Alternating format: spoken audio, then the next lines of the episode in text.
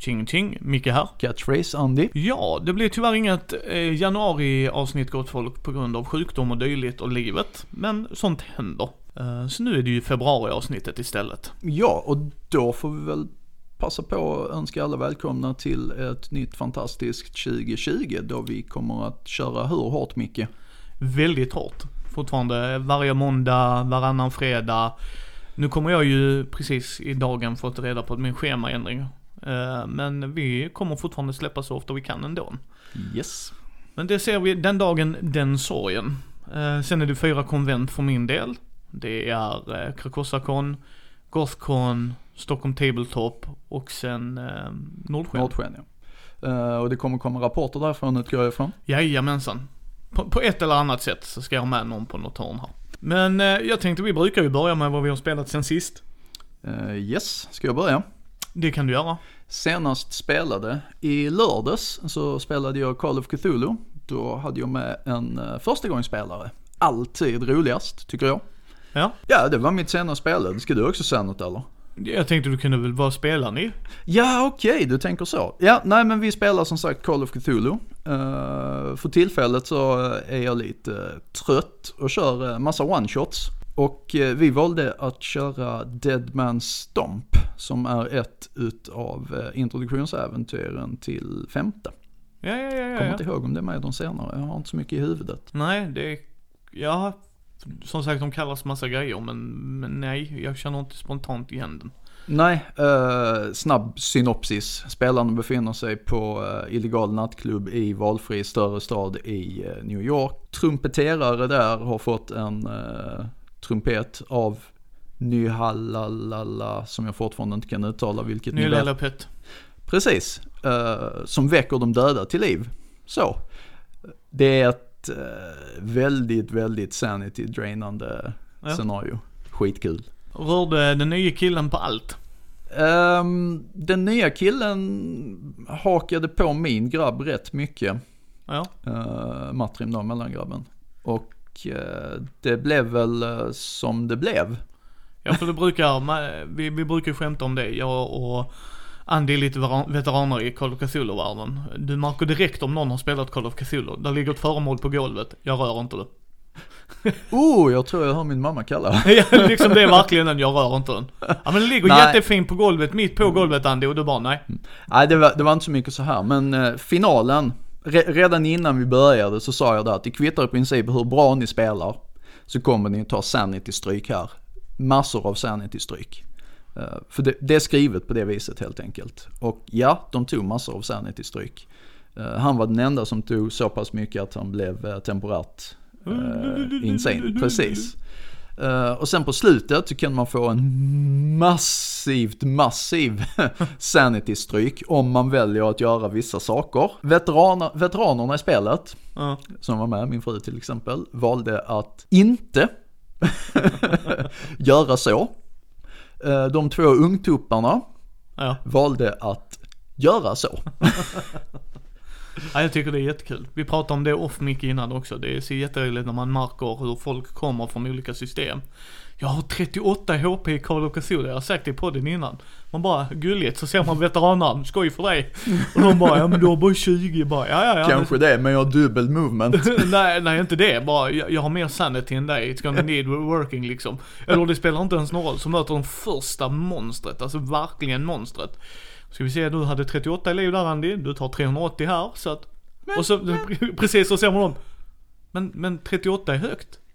Ja, allting är relativt. Allting är ju i relation till något annat. Detta är en kosmisk varelse. Ding! you died. Ja, det var nog jag läste också någon sån som skrev, eh, har ni tips för när man spelar Call of Cthulhu? Det var någon som skrev, ja, ha noll i spottiden. det är ett monster där var. ja, och så, så, men han gjorde det med en smiley face liksom. Men sa han, om man skulle varit seriös, det tipset jag skulle ge till Call of Cthulhu-spelare. Ha noll i spottiden. Ha så Försök lågt spe, spe, spela blind och död. ja, liksom bara. Kosmisk varelse. Ja men det är skoj. Ehm, sist vi bubblade så har jag spelat eh, ur varselklotet. Mm. Vi körde eh, första delen av, eh, ja, Man kan köra den som en one-off. Jag förväntade mig en inbjudan dit, jag för mig vi pratade om det. Eh, det var en söndag hux flux vi satte ihop med Linnea och det. Vi vill prova systemet. Ja, men det var prova systemet, lär dig systemet ordentligt, sen ringer du mig för det är ett av mina bucket list-spel. Jo, men jag har ju sagt till dig, jag tror det blir bättre om vi kör hemma hos dig med din familj. För jag tror det blir en rätt bra grupp. Eh, Anytime. Ja, eh, men eh, vi körde första delen i, eh, i liksom det introt. Man kan köra den som en one-off eller så kör man den som i en kam- minikampanj kan man säga. Fyra eller fem, sex sittningar liksom, sen Yes. har du gjort den. Så jag sa det till dem, vill ni så kommer vi kunna fortsätta.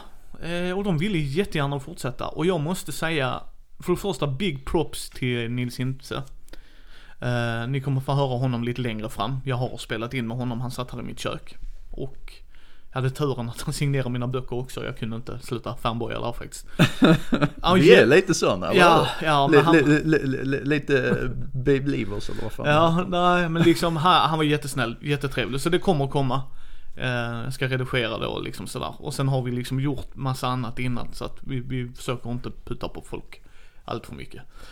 Eh, men eh, han var jättetrevlig och sådär. Men det är ju ett smidigt system. Det är ju D6 och spelarna slår. Spelledaren slår inte en enda tärning. Och jag kan inte säga hur mycket jag älskar det. Jag har spelat Numinera. Det är, alltså, då ska man ju också slå tärningar, men det är jävligt mycket mer matte. Här var det inte det. I normala fall behöver du ha en sexa. Liksom, det är ett poolbyggarsystem liksom. Så du behöver en sexa. Vissa gånger när det är svårare behöver du fler. Du kan pressa ditt slag, du kan slå om och ja, lite sådana grejer. Men spelledaren slår aldrig tärningar och jag älskar det. Jag behöver inte bry mig. Jag, spelledarskärmen använder jag och det är också en annan grej. Jävlar vad bra spelledarskärm. Varenda information på den var vettig. Så här är utökat trubbel. Så här fungerar det. Har Alltså, du gjort någon video på den eller kommer det? det, det kommer, det kommer. Jag har spelat in, så det kommer absolut. Och det både den till flodskörden, för flodskörden är då när man är tonåringar på 90-talet, som är en uppföljare liksom. Eh, och där kan man dö, är också en stor skillnad och vi pratar mycket om det, jag och Nils där. Eh, jättebra böcker. Ja, alltså men, ja, åh, åh. Som spelledare när du inte behöver göra matte. Hur bra som helst. Och, och spelarna behöver inte göra matte heller ju. För det, det är en sexa. Så, sexa. Bra, då är det klart. Alltså förstår du? Det är liksom, och så har de väldigt bra nybörjare. Alltså, jag bara ska inte tjata här. Jag håller öronen på er. Ni kommer, är ni intresserade så kommer det komma upp video sen. Eh, och i samband med det så ska jag försöka släppa intervjun jag gjorde med Nils också. Yes. Spelat någon, eh, någon bräda eller några kort? Eh, varmt under tiden vi inte har poddat har It's a wonderful world gått. Eh, de som lyssnar på podden vet vilket spel jag menar. Det är ett fantastiskt, det, det är mer eller mindre ehm, har tagit död på Seven Wonders för mig. För att det är så jäkla bra. Artworken är fantastisk. Det är en bra filler. Jag ska ta med den till dig Ulrika så vi får spela igenom det. Ja, Lätt då.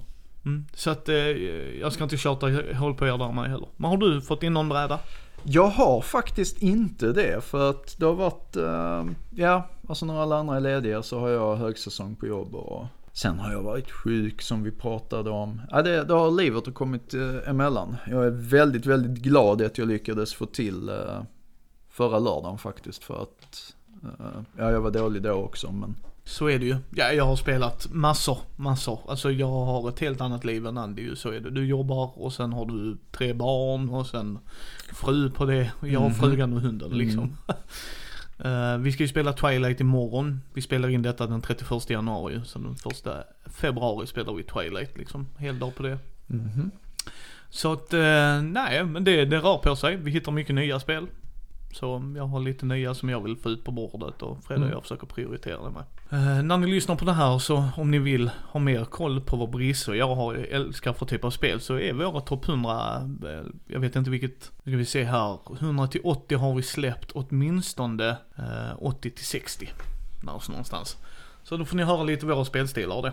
Men det är lite vad vi har gjort sen sist. ja, och tydligen vad vi har för planer också. Ja. Så eh, då hoppar vi vidare till nästa ämne tycker jag Andy. Nästa ämne var det. Så ja Andy. Vi eh, ska diskutera hur vi hanterar eh, lådorna till våra brädspel. Ja, och expansionslådor och dylikt och lullull och allt det där. Ja, inserts och jag Mm. vet inte vad. Ja men, ja, men Ja. inserts är jättebra. Allting som har med förvaringen att göra. Ja, precis. Off the bat. eh, Jag kan svara åt dig här Micke. Ja. Micke köper alltid en massa handmade Kickstarter, eh, special edition inserts och sånt. Så han kastar dem. Ja, alltså jag kan säga så här, om vi tar, vi börjar med inserts. Eh, fyller inte insertsen en funktion så hotar jag den fortare än Sören. Då tossar man den, precis. Yes. Det, det bryr man inte om om någon säger, då sjunker den i värdet. Bara, ja då, okej, okay, tycker Jaha. du det? Jag bryr mig inte. Jag vill att det ska vara funktionsdugligt. Det är väldigt, väldigt få spel som har något jättebra andrahandsvärde ändå. Ja. Eh, men så det gör jag med inserts. Samma sak med expansionslådor. Där håller jag kanske inte riktigt med dig, men det är för att jag, jag vet inte, lite aspergare där och vill, vill hålla grejer sorterat. Jag vill ha mina, jag vill ha mina Dunwich-grejer där, jag vill ha mitt grundspel där, jag vill ha Cathedrals and Knights eller vad den heter där.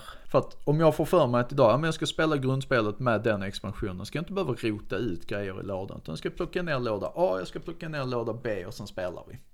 Samma sak gör jag Andy, fast jag lägger, eh, sorterar ut och lägger det i ziplock. Och sen ligger det i lådan. Jag har också gjort så med vissa grejer. Eh, men, men, stör mitt ordningssinne ibland. Eh, om vi tar så här, ett, ett exempel på ett spel jag, jag gör så med och där jag samtidigt kastar inserten för den är dålig. Uh, Dominion-spelen. Jag lägger dexen i ziplock-påsar, skriver på ziplock-påsen vilka kort det är i den. Kastar uh, inserten för att ja, den fyller sin funktion på sätt och vis. Den är, den är väldesignad den inserten, det måste jag hålla med om. Men jag tycker ändå att det är skitjobbigt att hålla på och bläddra i den. Det är bara mitt huvud. Ja, alltså jag behåller ytterst sällan en expansionslåda om jag har spelat spelet. Eh, Jag gör det medans jag, tills jag har spelat spelet. Om grejerna inte får plats i en låda då? Ja men då har jag en låda, så jag kastar inte det förrän jag ser att jag behöver inte den längre. Och då Nej. kastar jag den, utan tvivel. Jag behöver spara plats i mitt spelutrymme. Ja, ja alltså det, det är ju där det, det, det kommer ner till, eh, till slut. Och ja, det är... Man kan inte alltid flytta till en större lägenhet. Jag gillar hur det... Ska vi prata om min terapi? Jag kan, så här, jag, jag kan uppskatta expansionslådor, jag kan uppskatta, men för mig det tar plats. Och nu ska jag säga, menar jag expansioner som är standalone? Nej, de kastar jag inte för Ja, det är det, stand... det, det är ett standalone spel. Precis, utan nu menar jag att det här är en liten expansion, det tillför någonting, bara ziplock på sig, markera upp eller man ser oftast det tydligt, Mm. puttar det i lådan, kastar expansionslådan, bye bye. För jag kommer inte sälja dem separat. Om någon köper mitt spel, om Så jag köper säljer... du allt ja. Yes, för jag, alltså jag håller inte på och joxar. Sen om någon annan vill göra det därefter, det lägger mig inte i. Om någon kommer överens om att, nej men jag köper det så delar vi upp det för jag vill bara ha grundspelet. Fine. Mm. Ja. Men, eh, nej. Och sen, lådor överlag, de kommer oftast i en standardformat ju. Och de är oftast bra. Kommer de i det, i det kvadratiska, vad det FFG som börjar med det? Nej, ja, Jag Asmodee. ja, ja, Asmodee. Eh, Så är det ju Nej, fanta- förlåt, förlåt, Days of Wonder. Ja, Ticket precis. to Days- Ride. kom, kommer det Days of eh, Wonder-formatet, ni vet vilket det är. Eh, Det är som sagt standard idag. Så är det fantastiskt. Då har jag sagt vid något tidigare tillfälle också att alla spel borde komma i den. För att då får du perfekt plats i vilken hylla som helst. Ja, så länge det funkar ju. Jag eh, stör mig på när det är mycket luftrum. Eh, ja, och det är kanske en anledning till att du gärna packar in alla expansioner i en låda. Yes. Ja. Jag brukar göra det och sen slivar jag oftast mina grejer för att vi använder det till spelbarer och sånt. Ja. Och då eh, får det oftast inte plats i originalinserten. Och, och den är oftast när de har de grejerna i plast. Mm. Nej, och det. det är till exempel en anledning till att kortspel som jag nämnde, Dominion, de insertsen är gjorda precis för de här eh, tio korten. Eh, slits mycket. De behöver slivas och så fort man slivar dem så blir de för stora. Ja, allting är ju relativt som vanligt ju. Eh, jag, jag lägger inget värde på de grejerna. Jag menar jag, eh, jag försöker vårda spelet så mycket som möjligt, ta hand om det så mycket som möjligt. Eh, jag använder sleeves för att jag tycker, dels gillar jag att blanda med sleeves mycket mer än att bara blanda rätt upp och ner. Jag bara gillar det, jag gillar att jobba med det och hålla på med det. Sen insert och sådana grejer, det stör mig inget. Följer den en funktion och den gör det jättebra, kastar jag inte den. Då är den kvar, då är det inget snack om det. Men så fort jag märker att nej, jag kan inte sliva mina kort eller nej, det får jag inte plats med. bort. Men eh, en expansionslåda med sjukt snygg artwork. Kastar. I don't give a shit. Och det är helt ärligt folk, Andy har varit i mitt nördrum och han Ja, förstår varför. Ja, ja. Jag har, jag har begränsat utrymme. Ska jag då behålla en expansionslåda måste jag göra av med ett grundspel. Och det händer inte. Det gör det inte. Och jag hade, folk säger man kan göra tavlor av det. Ja, hade jag haft utrymme till att hänga upp dem, då hade jag gärna gjort så om, som om, du säger. om, man, om man gör tavlor av det så är det mindre vägghylla att sätta hyllor, eh, alltså väggyta att sätta bokhyllor Ja, på. och det- Och då är det mindre plats att förvara spel på. Om, jag, om, jag, om vi ponerar här när frugan och jag köper hus och vi har pratat om att jag ska ha ett nordrum. Då kommer jag göra det, för då har jag Ja, mer ingenting utrymme. under 300 kvadrat. Nej men liksom då, då kan jag disponera det på ett annat sätt. Men som Andy säger, just nu som jag har det, så har jag inte väggutrymmet för att göra det. Nej. Och det väggutrymmet jag har är ju prioriterat till Batman, för att det är ju en stor del i mitt liv. Ja. Och då blir det liksom prioriterat. Yes. Eh, Men annars håller jag med dig, om jag tycker kan man så gör Vissa är ju jättesnygga och det Mm. kan man ju ha som en artwork liksom. Och jag har ju jätteproblem med, med mina hyllor också eftersom jag har mycket äldre spel. Uh, och det var innan uh, Days of Wonder standarden. Ni kommer alla ihåg det. Vi har uh, gamla Games of Workshop formatet. Vi har uh, Alga-format. Vi har, alltså det är säkert många utav er där ute som har det likadant. Hur passar man in alla de här olika i en hylla? Can't do it. Nej men precis. Det, och det är till exempel, kolla mina eh, Twilight Imperium. Den får ju inte in i en vanlig hylla. Den har ju ovanpå. Vilket Ja. inte gör mig för att den, Ja. vi spelar det kanske tre, fyra gånger om året. Vilket jag är jättenöjd med med tanke på hur lång tid det tar. Eh, så jag gillar det väldigt mycket. Tycker det funkar skitbra för det spelet. Men då måste jag upp med den där. Men jag köpte ju en insert. Där är få gånger jag har köpt inserts. Jag har en till Seven Wonders. Som får in med alla expansioner jag har. Ja. Sen har jag en till eh, Twilight då. Och den funkar jättebra, varje färg för sig själv. Och sådana saker, vilket jag tycker är jättebra. Så det enda du säger, jag spelar röd, bra, här har du alla grejer för det. Och sen så får du den här rasen, där har du den lilla lådan där för det. Då är Andy klar. Nu är vi liksom igång liksom. Sen har jag till Lords of Waterdeep och den fungerar svinbra. Ja, jo den gillar jag också. Eh, Men det, de, de fick ju in expansionen, så vissa spel köper en insert i beroende på hur lätt det är då att sätta upp spelet. Hur lätt det är då att plocka ner det. Hur bra skyddar det den när jag rör lådan och flyttar runt på grejerna. Och det blir väldigt, väldigt viktigt ju. Mm. Eh, Men de vanliga är kartong, alltså det är ju bara kartong gott folk för min del. Så att det är bara bort. Ja. Liksom. Och jag förstår varför de gör det ju, för att de trycker ju punchboards och allt det där ju. Och så ska de lägga in det ju. Så, Ja. ja. Då blir det ju en billig jävla kartonggrej. Så att Ja. en, en insert jag gillar som jag inte har kastat är ju den till Endeavor Age of Sail. Ja, men den är ju väldigt funktionabel också. Det är inte alltid insats som följer med är det. Precis, men de har ju gjort ett mål. Ja. Jag menar varje färg har en egen så man bara tar ut den. Ja. Bara det är jättebra. Men det, det är också, de, där, där satsar de, där, där är inserten en del av det andra. Det, det är långt ifrån så som är fallet. Det är, inte lång, det, det är långt ifrån fallet i alla spel. Ja, och jag menar det är ju en kostnad. Så att jag menar du får ju räkna med att det blir dyrare om de har specialgjort det. Mm. Eh, Och i vissa spel, som sagt, Micke är en tung Eurogamer. Eh, Jag bryr mig inte om det. Så länge, jag försöker sortera ut det så här. det kan vi faktiskt prata lite när vi pratar boxar. Jag försöker sortera ut det så, mycket som möjligt så att när Andy och jag ska spela spelet, att jag har så kort setup som möjligt. Och det är därför vi har ziplock bags. Mm. Vissa spel hjälper inte det för att det är fortfarande mycket pill. Och det köper jag. Och det är då jag brukar titta på en insert. Alltså då tittar jag verkligen. Kan jag hitta ett system som gör att det här spelet som jag älskar att spela med Andy går att få snabbare att få fram till bordet. Och nu snackar jag inte, vi kortar ner tiden med en minut och det tar två minuter att sätta upp. Nu pratar jag just om Twilight Imperium. Det tar lång tid att sätta upp. Nu tar det mindre tid för att det är strukturerat och spelet tar 6, 7, 8 timmar att spela. Ja. Då vill inte vi spendera en timme på att sätta upp spelet utan då vill vi, nu är vi igång. Du vet hur jag tänker. Ja, ja absolut. Jag 100% med dig på den punkten. Så, så för min del, eh, liksom, nej, jag kastar grejer. Jag kastar expansionslådor och liksom, eh, om de kommer med ny expansionslåda som är större, då kastar jag originallådan. Det bryr jag mig inte om. Alltså, bara jag får ner mina grejer. Det är det, det, är det viktigaste. Ja, jo, jag förstår hur du tänker. Sen, sen ligger jag och funderar lite grann på hur, hur har jag löst det med, med vissa av mina grejer. Till exempel um, Roborally. Jag Ja. har ju den första. Eh, Ja. mysiga. Och så har jag Armed and Dangerous och någon till där. Eh, och där har jag ju blandat det. Mm. Det har jag. Men jag har kvar alla lådorna. För jag har en låda som jag har liksom alla spelplanerna i. Böckerna. Och sen Mm. så har jag uh, markers och jag har eh, kort. eh, och så sorterat för sig. Borde fixa bättre skydd till figurerna. För det är faktiskt folk som har lagt sig tid på att måla dem. Ja. Ja, där, där är ju en rätt intressant grej vad jag brukar göra. Jag brukar ju ha eh, sorteringslådor från Biltema. De gillar jag. Yes. För att de är, inte bara att de man sorterar, det är också lägga ut på bordet och där är de. Mm. Så till Terraforming Mars, Ter, Terraforming Mars är det spel jag har pimpat mest. Det är det dyraste spelet jag har gjort V.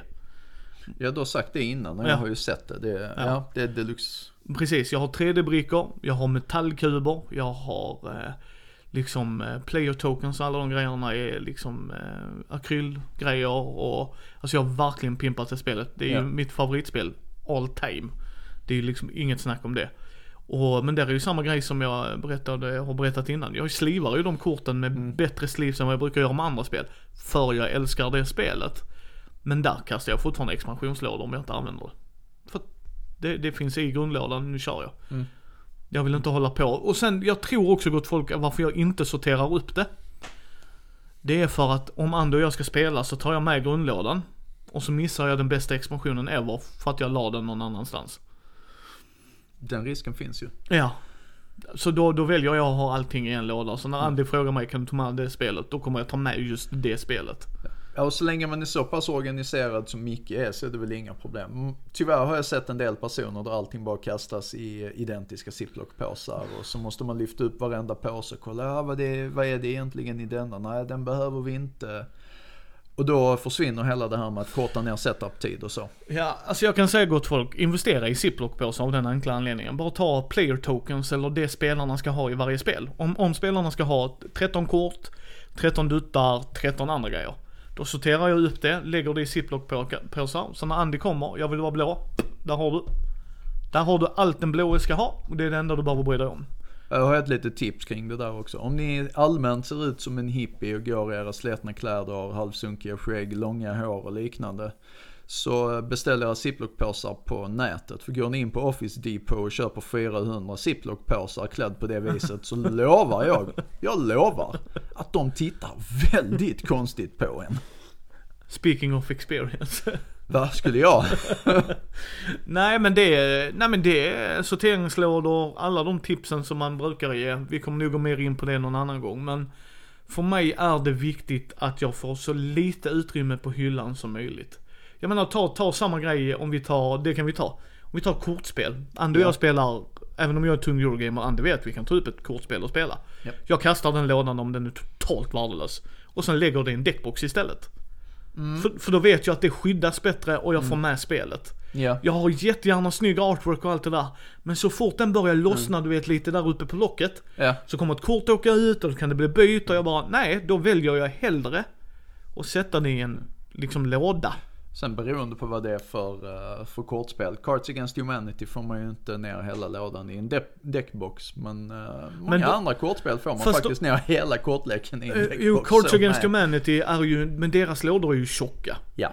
Så att de kastar ju inte förrän, Nej. nu har vi ju the bigger blacker box. Ja. Då frugan älskar det spelet. Då har vi ju kastat de andra lådorna för Ja. det fyller ingen funktion i hyllan. Ehm, så att, nej, så jag gör det enbart enkom för plastbrist och jag bryr mig inte om jag förlorar en hundring på när jag säljer det för det är ytterst få gånger jag säljer mina spel. Ja, och, och det är som sagt. Spel tappar värde väldigt snabbt ändå. Men jag ska säga gott folk, jag, jag väntar tills jag har spelat expansionen. För vissa expansioner så gör lådan någonting. Mm. Och jag har varit nära att kasta en sån en gång. Sen tittar jag i reglerna så bara oops, den får vi ta upp igen, oj då. Men och det är liksom, och där, sen den gången så gjorde jag en tumregel. Vänta tills du har spelat det, ser. Och annars, annars kan jag säga, tycker jag inte det tillför någonting lägger jag tillbaka den och säljer expansionen istället. Då kan jag ja, göra ja. det. Ja. För, för så, jag har slutat vara completionist på det sättet. Tillför det inte något, då vill jag inte ha det i min hylla. Nej, nej för det, det är som sagt, space is valuable. Ja. Och det är bara därför. Det är bara därför. Jag kan tycka att de är jättesnygga. Jättefin artwork. Mm. Det- jag vet, där är, vad heter det? Firefly the Board Game behöver jag alla för att det är så jäkla mycket. Mm. Då kan jag inte dela upp det mer. Uh, Mansion of Madness, då alla plastfigurer, så där Ja. kan jag inte få allting i grundlådan. Alltså då, då har jag ju de lådorna. Mm. Och då ser ni oftast, om ni skulle se mitt rum, då är de överst på hyllan. Ja. Då staplar jag bara dem. Och det gör jag av den enkom anledning. Andy bara, "Eh, jag och Ulrika vill spela Firefly. Sjunk. Då har vi de fyra boxarna där. Mm. Och så går vi. Jag sprider ju inte ut dem då. Men då får de vara på, då displayar jag inte dem så att säga. Nej, och Men alltså nu, nu när du bara lyfter frågan. Hur bra är du på att sortera dina spel? Vad använder du för system där i hyllan? inget. Inget alls, bara Eh, jo, jo. storlek på lådorna. Storlek på lådorna, hur ofta jag spelar det. Det vill säga talisman som jag har allting till fjärde editionen. Innan de förlorar licenserna FFG där på Games Workshop. Det ligger längst ner i högra hörnet bakom alla, du vet mina plastlådor där jag har det. Japp. I plastlådan har jag alla småspel. Mm. För att det är lättare att sortera ut dem där och det tar mindre yta i bokhyllan. Mm. Så där har jag en taktik. Sen är ju oftast de tyngre Eurogamen mer synliga för att det är oftast de jag spelar med Fredde. Så att, liksom. Så att mest spelade ögonhöjd rakt fram. Ja, nej, inte nödvändigtvis ögonhöjd och rakt fram utan mer lättillgängligt. Jag har ju bordet där inne, om ni som Ja. ser videosarna och det så förstår. Så lättillgängligt ja, men det behöver inte vara i ögon utan det är också Ja. bakom bord och lite sådana grejer.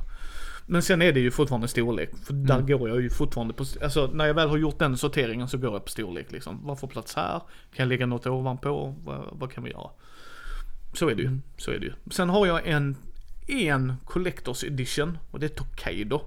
Och den är längst uppe på hyllan för att den spelar jag inte så ofta och den vill jag inte förstöra. Och den har sin insert i för att den made sense. Och för att det är en Collector's Edition. Ja. Ja. Och, och då brukar jag inte göra mig av med det. Nej. Och jag lär inte sälja spelet ändå men där vill jag ha det där. Nej, jag bara frågar för att jag, jag är som sagt lite så här organisationsnörd.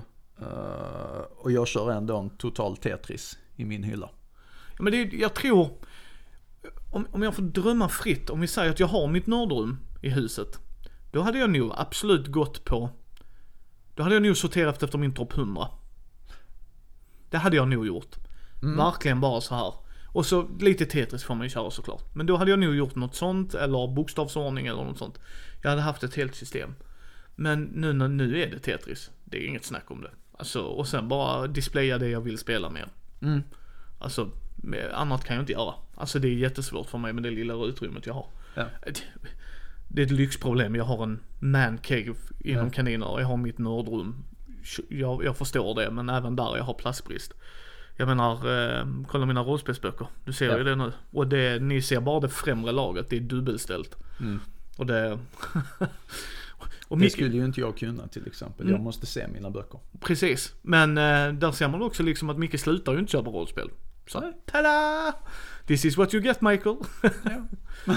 Eh, så att eh, nej, allt är bara för plats för mig. Dock väldigt kul, rollspel är alltid annorlunda för mig. Ja, men vi har ju varit inne på Mm. det flera gånger tidigare. Rollspel är, ja det är rollspel. Ja, jag kan säga att jag samlar mer på rollspel än vad jag gör brädspel. Yes. Ja, och då, då har vi sagt tidigare. Mm. Det är, vi älskar brädspel men frågar någon av oss, vill ni spela rollspel eller brädspel? Ja, det, då kommer jag säga vilka först och sen så baserar vi på det. Jag spelar jättegärna brädspel, jag gör det.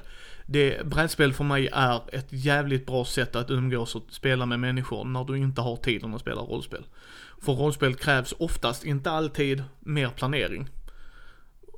Liksom, det, det är större risk där. It's an experience thing. Jo men jag tror, nej och inte planering menar jag inte så Andy, planering för andra.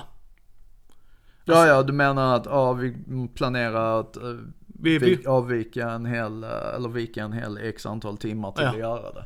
Men jag känner det måste man göra när man spelar brädspel också. Inte samma har för min upplevelse. Det är vilka man umgås med tror jag. Men det är därför jag känner det. Det, det, det spelar ingen roll att gå och lyssna. Jag är genuint nyfiken på vad, kastar ni era lådor? Jag vet vissa är väldigt noga med att ha allt mint. Ja, Alltså jag kan säga mina lådor tar stryk, satan. För det bryr jag mig inte om. Alltså ja, helt, det, de, de är bara till för att förvara Yes. komponenterna, det är sant. ja. Det, så att det bryr jag mig inte om. Jag kan tejpa dem, jag kan limma upp dem. Jag, för mig, när jag köper ett spel, är det viktigast att alla komponenter är där. Har du sett min ena carvarslåda? Den som jag liksom Ja. har satt wellpapp i hörnen och häftat fast för att Yes. den är så, ja. Nej men liksom samma grej där, den enda gången jag kan bli irriterad, det är när du har hidden movement-spel eller vad det nu må vara. Och det är då komponenter är sönder. För att jag ska inte veta vad Andy har för kort framför sig. Nej. Jag vet vad Andy har för kort framför sig. Sen spelar det inte mig någon roll. Alltså Nej. helt ärligt. Ja den är lite dingad. Ja ja. Och funkar den? Ja. Går det att limma? Ja. Ge mig det. Så är det ju. Så att, eh, ja men det är våra tankar lite i alla fall. Ja, som sagt. Uh, Migge slänger sitt, jag försöker ha kvar mitt trots att jag inte har plats. Ja. Men, eh, ja vad är era tankar? Så ja. Nästa brädspelsämne är ju, eh, Tunga spel pratar vi om. ja, vi börjar tematiskt tunga eller mekaniskt tunga, vad vi vill sätta nivån. Ja, hur ska vi definiera detta, Micke? Om du definierar ett regelmässigt tungt spel, Kanban. kanban. Mm. Eh, jag tänker gamla GMT-spel. Ja, eller 18xx-spel skulle vi nu kunna säga, tågspel. Mm. Mycket rörliga delar. Eh, liksom, när, även när du väl kommer in i det så fattar man det, det vill jag ändå påstå. Eh, men liksom om man säger så här, om vi säger så här Andy. När du, du spelar spel, eh, och nu pratar vi bara brädspelsdelen här, Ja. ni får lyssna på rollspelsdelen sen. Där pratar vi inte om detta denna gången ändå. Men, i brädspels, för dig, Mm. liksom. Vi säger eh, ett lätt spel, det är ju Ticket to Raid. Ja. Det, det kan vi ju säga, även om vi, och, Ja. och, och vi har full förståelse om ni kommer in i hobbyn från det och tycker det är jobbigt. Det, Vi har ju själv sagt att det är ett jättebra introspel. Ye- Yes, för, för folk, inte för Micke. Men vi, Nej, Micke är inte taget... introspel sa Ja, jag. precis. Så vi kan förstå att om ni börjar med det och tycker att det är jobbigt, om ni lyssnar på vår podd, jätteskoj att ni lyssnar liksom och sådär. Det är inte så att vi klankar ner på er, utan det, vi, vi får ta det ur vår subjektiva syn. Och i vår subjektiva syn, eftersom vi spelar väldigt mycket brädspel, är det ett lätt spel. Detta är ett lätt spel. Så, för, för vår del, vi får, Så- ut, får utgå från det ju. Ja, precis. Och så har vi en referensram här. Precis. Sen ett mellanspel. Där vi har lite mer regler, kanske lite mer komplext. Men inte jättemer komplext. Vilket spel vill du sätta där tycker du? Som bägge ish har spelat eller vet om? Jag tänker kanske Lords of Waterdeep ligger ganska i mitten för mig. Mm, det gör det inte för mig. Men jag, håller, jag förstår varför du tänker så, för att det är inget introspel utan det är intro plus vill jag påstå. Ja, Ehm, ja, den är ju jättesvår. Vad sätter vi i mitten? Ja, jag tänker mig, åh, det står still. Seven Wonders-ish, nej jag vet det är inte. också ett intro. Ja. Alltså, Okej, nu, nu, nu kommer vi faktiskt fram till vad som är problemet med den här frågan. Det är att de här tre spelen som vi har nämnt, om, nämnt här har ganska olika mekanik. Ja. Och jag tror att komplexiteten handlar nog mycket om ens fallenhet för, för olika typer av mekanik också. Ger man mig ett draftingspel så säger jag att det är svårt. Så är det. Så, så, är det ju. Sen har du ju grader i helvetet. Du har It's a Wonderful World, du har Seven Wonders och du har Race for the Galaxy. Ja. Race for the Galaxy skulle jag inte lägga fram för vem som helst. Till exempel. Medan Seven Wonders, mer eller mindre. Mm. Eh, ja, nej men precis. Eh, jag tror det är ju väldigt individbaserat. Och Andy och jag spelar väldigt mycket spel, även om jag hinner spela mer just nu än Andy kanske. Jag menar Arkham Horror, där har Det är jag nog... regeltungt faktiskt. Jag skulle säga så här, i min värld, om vi ska gå efter min preferens, så Ticket to Ride mer light, Ticket to Ride, Seven Wonders, Catan. Mitten, eh, Arkham Horror. För att det är Ja. fortfarande lite mer komplexa regler, medans Kanban är ju mycket svårare. Mm. Alltså, alltså i min värld så är Kanban eller Food Chain Magnet mycket tyngre. Inte sagt att jag kan fortfarande bli förvirrad i Arkham Horror, men där skulle jag nog sätta mer min, Mike Ja. från Mindys mittpunkt. Ja. Eh, och snarlika de spelen där det är mycket rörliga delar men inte regeltunga delar. Till exempel i Arkham Horror missar du en liten detalj så straffas du inte genom hela spelet. Missar du en detalj i Food Chain Magnet så grattis Andy, nu springer du med en skjuten fot. Eh, Kan du lägga ner? ja. Spela något annat. Eller så fortsätter du spela spelet och inser, jag skulle inte gjort detta runda ett. Men, men liksom det är väl nog där jag skulle sätta någonstans. Och om vi har då den parametern, nu har vi försökt testa, Ja. för vår del, detta är hur vi tänker. Var hamnar du där? Vad föredrar du att spela? Ingen preferens. Det har med gruppen att göra. Uh, vi har konstaterat tidigare att jag väldigt, väldigt gärna spelar introspel. För jag tycker det är kul att spela med nytt folk. Jag vill få så många som möjligt att börja knarka tärningar det bara går. Mm. Men om vi, om vi ponerar Andy, precis som när Brisse och jag gjorde topp 100-listan. Då var det ju under förutsättning att, om vi tar Seven Wonders till exempel. Ja. Om det är med på min topp 100-lista, ni får gå in och lyssna om det är det. eh, så är det ju under premissen att det är bästa scenario för bästa plats, det vill säga det är rätt människor. Det är rätt antal spelare. Och jag har tiden till att göra det. Mm. Så om vi tar den premissen också för dig. Det är rätt spelare. Det är rätt antal, alltså du har tiden att sitta med det. Mm. Och allt det där. Var hamnar du ändå tror du? Om Andy liksom, jag förstår att du gillar att introducera folk. Det köper jag. Men hamnar du där ändå tror du? Om Andy får välja liksom. Alltså, ja men det, det, de premisserna förändrar ju ingenting Micke. Eftersom e-, en, av premisserna mycket väl kan vara att nu ska jag göra en introduktion. En annan premiss är nu ska jag och Micke köra någonting kompetitivt, han och jag. Nu ska jag piska Micke.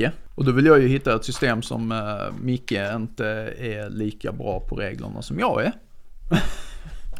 inte för att kunna blåsa honom utan för att jag helt enkelt har ett större, alltså det är ett visst taktiskt övertag. Det förstår jag, men om du säger premissen till mig. Uh, jag gillar att spela partyspel ibland. Ja, vi gillar partyspel. Ja, jo, men jag spelar hellre Eurogame. Mm. Så i min perfekta värld, även om vi är perfekt scenario både för tungt Eurogame och ett partyspel så väljer jag hellre Eurogamet. Mm. Och det är det jag menar. Jag är mer mellan och tyngre. Mm. Det är få gånger jag spelar lätta spel. Jag, stort kaviat här gott folk. Jag har inga som helst problem att göra det med nybörjare. Och tycker precis som Andy det är jättekul att se någon ta ett steg in i hobbyn. Och någon av de lätta introspelen är med på min topp 100. Utan tvivel av den anledningen att jag även, vissa av dem så kan jag också njuta av det utan att regelmekaniken är tung men där är ändå intressanta val. Mm. Men med det sagt så, tung Eurogamer. Jag gillar att sitta 3-4 timmar med ett spel och ha jätteont i huvudet efteråt. Ja. Alltså jag, jag kan väl säga som så om man tar och tittar på boxarna till de gamla GMT-spelen, deras så kallade bookcase games, Mm. så hade de en skala på dem från 1 till 5 över komplexitet. Och- folk, det har de fortfarande. Men det är en GMT-skala. Ja. Så de kan typ sätta Twilight Struggle på, ja men 3. Det, är inte säkert att det är det. Medan Andy och jag har tittat, nope. Nog Nu gillar jag faktiskt GMT-spel, Ja. eh, men jag får aldrig tillfälle att spela dem. Och lite grann där, det, det jag vill komma in på också. Du säger att dina preferenser ligger eh, mid to high. Ja. Eh, jag skulle vilja säga att jag har nog anpassat mina preferenser efter eh, realism för mig. Jag spelar jättegärna ett tungt GMT-spel över en hel helg. Ett scenario, 48 timmar, ta en pizzapaus någonstans i mitten. Det finns den typen av spel och scenarion. Och jag gillar att spela dem.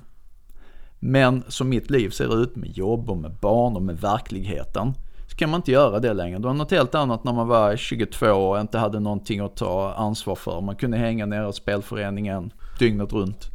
Och, och det, där är ju våra liv så drastiskt skilda. För det är ju min realitet. Jag spelar väldigt mycket med Fredde. Och vi gillar tunga Eurogames. Mm. Och det kan jag absolut hålla med dig om och jag förstår exakt var du kommer ifrån. Men ge, ge ett exempel på ett Eurogame du tycker är tungt nu då. Ja, Kanban. Kanban. Food Chain Magnet. Mm. Till exempel. Det är Splotter Games. Mm. Mycket, mycket mer, mycket regler, mycket tungt. Skjuter du dig själv i foten runda ett är du körd. Och sen kan vi spela i Mm. Jag, tio jag, skulle rundor. nog, jag skulle nog vilja säga att jag ligger nog eh, mer mid to low av praktiska skäl. Eh, som det är nu. Eh, och pratar vi, pratar vi typ euro så vill jag nog säga att uh, övre gränsen för vad jag kör nu är eh, Terraforming Mars.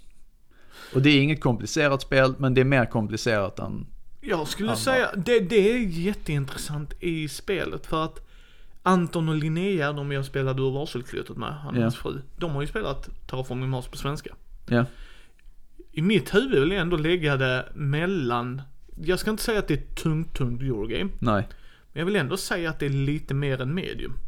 Ja men det, det, jag kan gå med på det. High, high, mid, low, low, heavy. Ja, precis. Så och enligt GMT-skalan en fyra. Ja. Skulle, Nej, skulle det funka eller? Tre och en halv eller fyra? det är ju relativt. Alltså grejen är GMT-spel ska man också säga. De, de utgår ju från sina andra och de brukar ju stämma. Så om du tycker liksom det spelet till en trea är jättesvårt. Då ska du nog tänka hur en fyra, femma är på deras skala. Ja.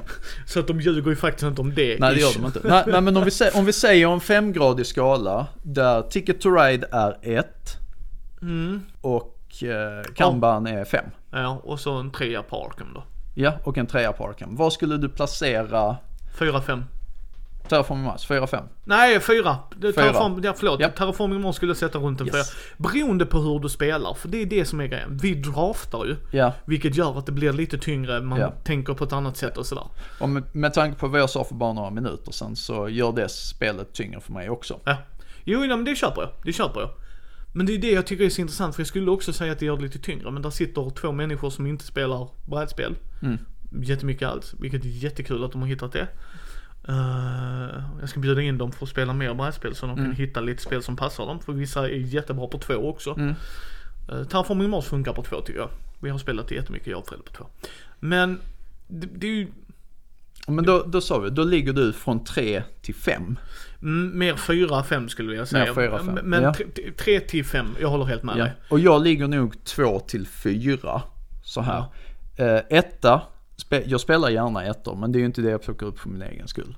Utan då är det för att det är folk som ligger lägre än mig Och som vill skulle- spela något. Jag skulle särskilja här också. Jag skulle säga barnspel är 0,5 i så fall om vi sätter det på en femskalig. Ja, För, ja, för liksom det, det, det är fortfarande lätt, men det är för lätt. Av en anledning, det är till Ja. barn ju för guds skull. Sen men, finns det vissa barnspel som Jo, jo, inte är det.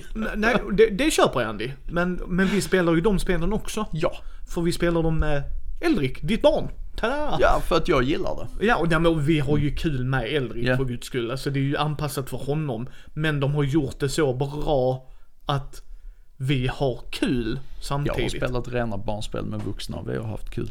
Ja, Just det kan, saying. kan man också göra. Men jag bara menar det att vi, vi ligger lägre på den skalan också. Ja, Jag spelar gärna ett och två spel också. I rätt sammanhang. ja. Och det, det var ju lite grann det, det vi pratade om. Att om, om vi ska välja helt fritt. Jag tycker väl inte att de är extremt tunga. Uh, Eurogamesen är superspännande för mig. Men det, det är min preferens. Jag spelar ju jättegärna Dungeon Crawls. Eh, Och och jag, det, jag, det är ju en helt annan grej. Det, det skulle ju hamna på ett annat ställe på den skalan. För det finns ju gamla Hero Quest, regeltungt. Eh, nej, det vill jag inte säga. Nej, där skulle jag ju säga en tvåa. Ja, precis. Och sen eh, kan vi ta... eh, Gloomhaven är nog en... Gloomhaven en eller halva för- Descent. eh, Descent skulle jag nog sätta en tre och en halva på ja. Och Mm. Gloomhaven tre och en halv, fyra. Ja. Så att även där finns det ju en skala. Och det kan jag säga, det är bara för alla de rörliga delarna och det är väldigt subjektivt. Det här är så otroligt subjektivt. Mm. Your miles may vary, not så in i helskotta. Så, så är det ju. Och allting är ju relativt med Mm. allt annat vi gör ju. Och ehm, jag föredrar ju tyngre spel. Mm. Mekaniskt sett. Mm. Men om vi kollar på det tematiska sättet då. Vad sätter vi? Vi sätter fem, jag tycker jag gillar din femskala där. Eller tio, för jag kan lika väl köra tio. Men vi kör på fem. Så om vi etta med tematik. Hur, hur definierar man det? För att, ska vi ta hur tungt det är inkorporerat i spelet? Eller ska vi ta tungt angående ämnet? Vi kan, vi kan ta ämnet för det, det är det jag har haft i bakhuvudet. Okej, liksom. för att- ja. För, för då blir det ju väldigt annorlunda. För då Ja. har du till exempel i Eurogames sammanhangen Freedom the Underground Railroad. Som handlar om att hjälpa slavar. Mm. Ja. Och att du måste lära dig att tyvärr jag får offra en slav för att kunna rädda tre. Alltså mycket, mycket tungt tema är Mm, det ganska ju. mörkt. This War of Mine. Ja. Det är en klar femma där också skulle Ja, jag vilja jag, jag, har inte, jag har inte rört brädspelet. Jag, ehm, Ja, jag har det. Och det är riktigt tungt och jo jag vet, jag Intressant. har extremt svårt att spela igenom ehm, det elektroniska. ja. Så för att, ja, jag, jag, jag, Men vad är ett jag är en känslig kille. Ja, men vad är ett mellanspel för dig där? Ett tungt tematiskt spel. Alltså, Jag vill väl säga att mellanspel där, den genomsnittliga så här misärsituationen, så här andra världskriget. Eh, M44, det är faktiskt ett rätt, det, det är ett pissigt tema. Om man tänker efter, alltså rent, ja. rent tematiskt, det, det är tungt. Alltså det om man har lite inlevelseförmåga, lite fantasi. Ja okej, okay, det är plastbitar jag flyttar runt på hexagoner och jag slår tärningar med lite färg, färgiga symboler. Det är inte så farligt. Men man återspelar ju trots allt de här historiska scenarierna. Och eh, Omaha Beach. Ja. Jag menar sätt dig och titta på, se, se introt till Saving Private Ryan och sen spela det spelet så har du en helt annan syn på vad du håller på med. Eller jag har det. Det är kanske min visualiseringsförmåga och, all, och sånt här som gör det. Men säg andra världskriget ligger i mitten, det är en trea. Eh, krig, onödigt våld och dödande. Det är en trea. Postapokalyptiskt, eh, misär och... Fast postappen och sånt här, den, den, är, ore, den är overklig. Eh, jag kan inte knyta den till vår värld på det viset. Så den, den kommer lägre. Ja. ja, för där, jag kan säga jag har jättesvårt för det här för att This War of Mine och... Femma. Eh, ja, nej men jag vill bara säga Underground Rail, Underground, Freedom the Underground Railroad. Är två spel som endast har lämnat avtryck på mig, på mig som tema. Jag har inte, Andy är mer visualiserande än jag åt folk. Jag sätter mig ner och spelar spelet. Jag är Eurogamer så för mig är mekaniken det viktigaste. När du kombinerar ett mekanik med tematik blir jag jätteglad. Alltså för då tycker jag, då är jag där. Mm.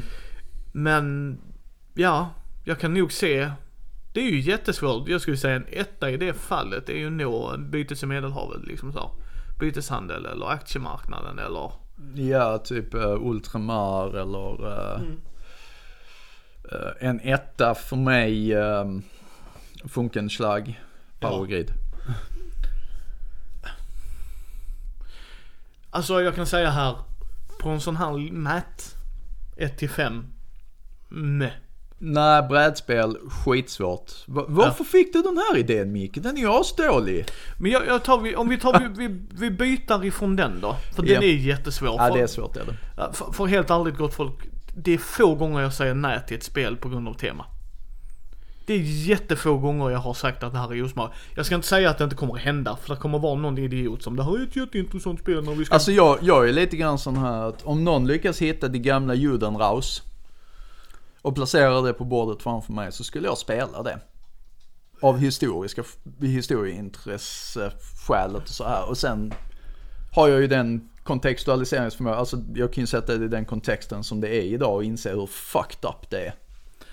Ja, jag tror inte jag hade spelat det ens. Jag tror jag har bara men, men det... Ja, ja, ja absolut. Jag, jag, jag förstår precis hur du tänker. Hade jag inte haft det historieintresset som jag har så och känt att nej men det, det här är jag, jag vet inte riktigt hur jag kan förklara det här. Jag, jag ville säga att det här är ett viktigt spel. Och det är det, men om jag ska förklara varför jag tycker att det är ett viktigt spel så kommer vi behöva en bubblare.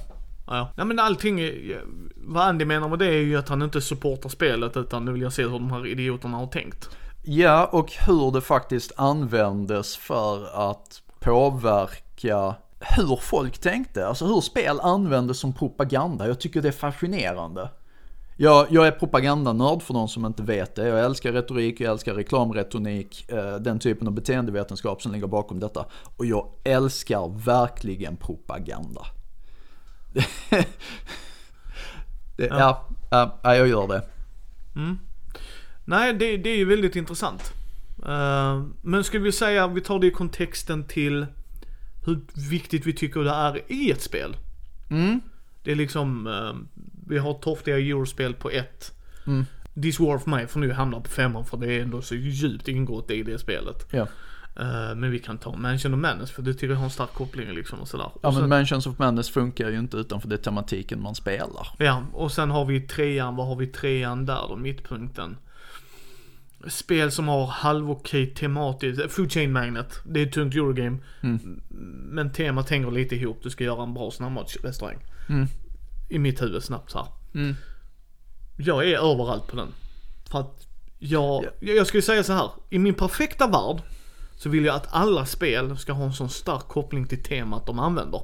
Det är ju den perfekta världen. Kan jag yeah. ha ett tungt Eurogame yeah. där tematiken är sjukt bra, mm. you got me. Men sen har du och jag pratat så mycket om att är mekanikerna, nej.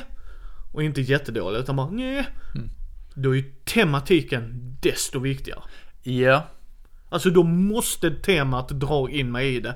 Så att när jag gör en halvtaskig handling så är det rimligt för det är så den här världen fungerar. ja. Ja, ja, jag förstår vad du menar. Jag försöker tänka här, IP-spel. Eh, I min erfarenhet ofta ganska dåliga mekaniskt. Många, Mm. många eh, dåliga IP-spel faktiskt som verkligen lever på att de är ett IP och inget annat.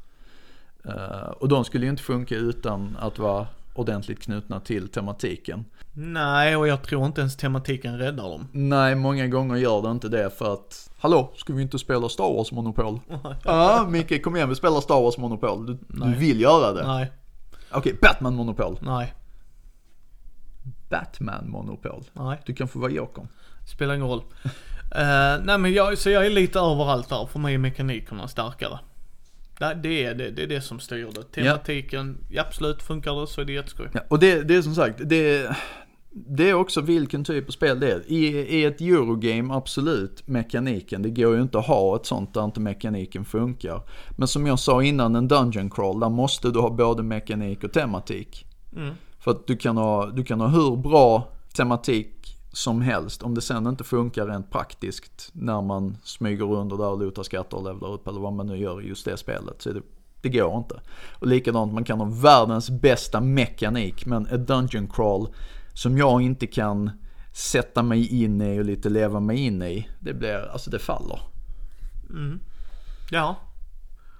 Hur, hur viktigt är det för er kära lyssnare med mekanik eller tematik? Och hur, eh, hur drar man gränsen? Var, var går det, var det tungt? Ja. Men eh, jag tycker vi sätter lite punkt där och sen hoppar vi vidare till rollspelsdelen Andy.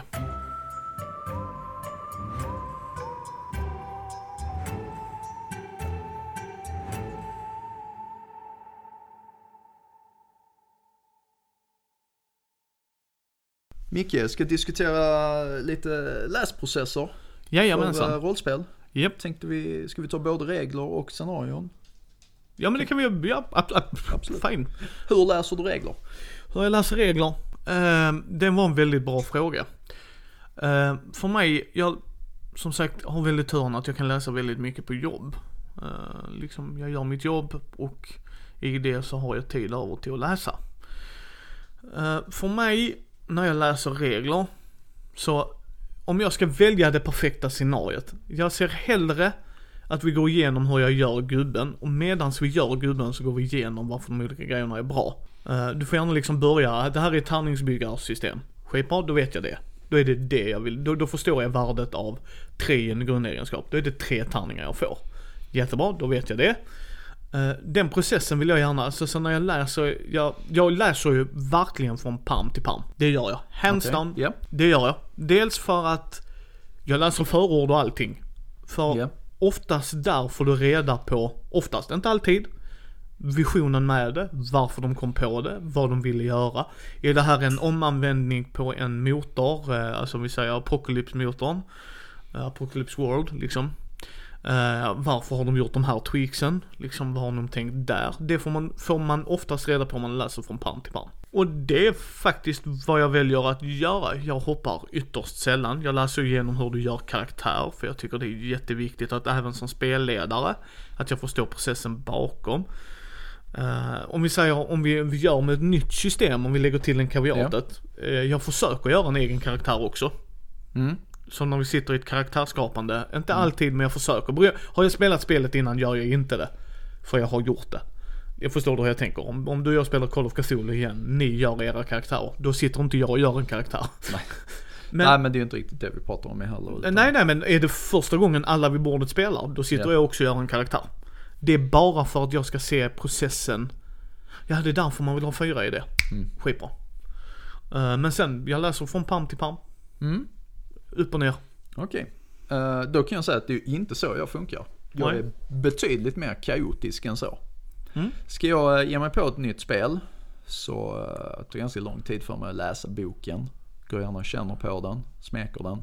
Absorberar saker genom händerna, jag vet inte. Bläddrar, eh, ströläser här, ströläser där. Vissa bitar är naturligtvis viktiga att jag sätter mig in i. Precis som du så gör jag alltid en karaktär själv. Eh, dels för att jag tycker det är kul. Alltså jag, jag tycker det är jättekul. Jag har miljoner personas uppe i huvudet som alla förtjänar att komma ner på papper i något system. Ja. Så jag gör det. Jag är sån, jag sitter ju och använder eh, karaktärskapar-appar på telefonen när jag sitter och skiter. För att, sån är jag. Eh, det blir ofta skitkaraktärer. Ja. Pun intended. Eh, men annars, som sagt, när jag läser, eh, läser in ett nytt spel så eh, det finns vissa, vissa avsnitt som är viktigare än andra. Eh, till exempel kapitlet hur skapar man en rollperson. Eh, det läser jag noga. Sällan där jag börjar, men det läser jag noga. Jag läser mycket flavortext, mycket fluff. Jag tycker om mycket fluff i regelböckerna för att det sätter, det sätter verkligen tonen för mig. Jag känner att om jag kan fluffet bra, om de skriver bra stämningsfulla texter så kan jag lätt visualisera vad det är jag vill åstadkomma med det här spelet. Jag är inte så intresserad av vad konstruktören vill åstadkomma med spelet. De har skrivit det här, de har sålt det, nu har jag köpt produkten, nu gör jag det till mitt. Det kan jag fortfarande göra. Men, Ja, jo, jo, jag vet. det, men för mig är det inte världen. Där är Micke Eurogames Micke. Jag vill veta varför han använder reglerna så som han har gjort det. Jag Mm. är väldigt fascinerad över den biten. Sen världen i sig håller jag med dig om. Ja. Du kan ju sätta den bara, allting utspelar sig i Tokyo. Nej, nu är det i Stockholm. Ja. Nej, det bryr mig inte om. Ja. Men, men jag Nej, vill men veta jag, liksom. Ja, jag, jag förstår hur du menar där. Jag tycker också det är trevligt att veta tankeprocessen med varför fungerar eh, tärningssystemet så här. Eh, Ja, varför har man valt att göra ett kortbaserat eh, initiativsystem. Eller Ja. var, varför är alla vapen eh, mer eller mindre bara en D4? Alltså Ja. jag är jätteintresserad av det. Ja. Förklarar de då det. Och det ska jag säga gott folk, det behöver jag inte ha bara, det har jag gärna i Mm. stycket också. Ja, Nu kommer vi till vapen. Som ni ser här så är det bara D4 eller en D6 Ja. eller en D8. Och här är varför. För när vi speltestade så märkte vi det. Ja men okej skitbra, då vet jag. Och säger de då att, ja men det är för balans. jag vill slänga en fråga till dig här Micke. Ja. Tror du att den frågeställningen, att det intresset hos dig och mig kommer sig av att vi har spelat så pass många olika spel och att vi därför vill veta det? Tror du att en komplett nybörjare som plockar upp det här som sitt första rollspel har ett intresse av de frågorna? Generellt. Det är ju svårt för det handlar ju om personlighet. Mm. Grejen är, det är sån är jag ju men när jag ser film så kan jag se en intervju Mm. bakom. Varför valde vi den här scenen och jämfört med det andra. Mm. Och det är många som totalskiter i det. Så att det är vad du vill ha ut utav det. För min del, varför jag, varför jag pratar om det här är också. Jag sa det till Andy innan. Jag läser ett rollspel i veckan ungefär. Mm. Ungefär. Ibland är det ett på två veckor. Men jag gillar att spela. Jag, jag läser inte vanliga böcker längre utan nu är det bara jag läser rollspel. Det har lite med att jag ska kunna prata om det i podden, göra videos på det. Självklart. Det är ju lite den tanken också. Men Sen är det roligt. sen är det jätteroligt för jag får idéer, tankar, hmm det här kan jag använda och inte använda. Så för min del, när jag sätter mig in i det och, och allting i relation till vad man gör det till. Spelar du bara Dungeons and Dragons? Nej, då kanske du inte bryr dig om det för du gillar systemet. Men jag går ju in i det från att ha spelat Call of Cthulhu. Jag har, vad räknar jag på? Jag har spelat i 15 år nu har jag väl spelat rollspel till och från liksom. Och för mig blir det, vi har pratat om detta innan, Andy och jag mycket mer för tematik än regler. Men jag vill ändå att reglerna ska hjälpa mig. För gör det inte det så blir jag bara arg. Eh, Det finns ju spel där reglerna kommer i vägen. Mm. eh, Och tematiken är jättebra. Eh, Och Och, då- där är jag fruktansvärt glad att jag har spelat så mycket som jag har gjort. Jo. För då säger jag till reglerna. Jo, men det är där jag vill då veta varför de gjorde det. Hänger du med? Kanske kan du motivera det. Ja, ja. nej men liksom, motiverade gör de nog säkert ur deras synsätt. Mm. Men säger han då, ja vi älskar BPR det liksom. Och det är det systemet vi älskar, det är det bästa, eller nej förlåt, vi säger Dungeons and Dragons. Det är det bästa systemet och allt det där. Får man tycka, det är inte det jag säger. Och så säger han, det är därför kör vi bara allting med D20. Och då kan jag ju sitta, okej, nu vet jag varför. Nu vet jag vad din ståndpunkt kommer in i det. Nu läser jag dina regler, för det är hans regler, eller hennes, hennes regler.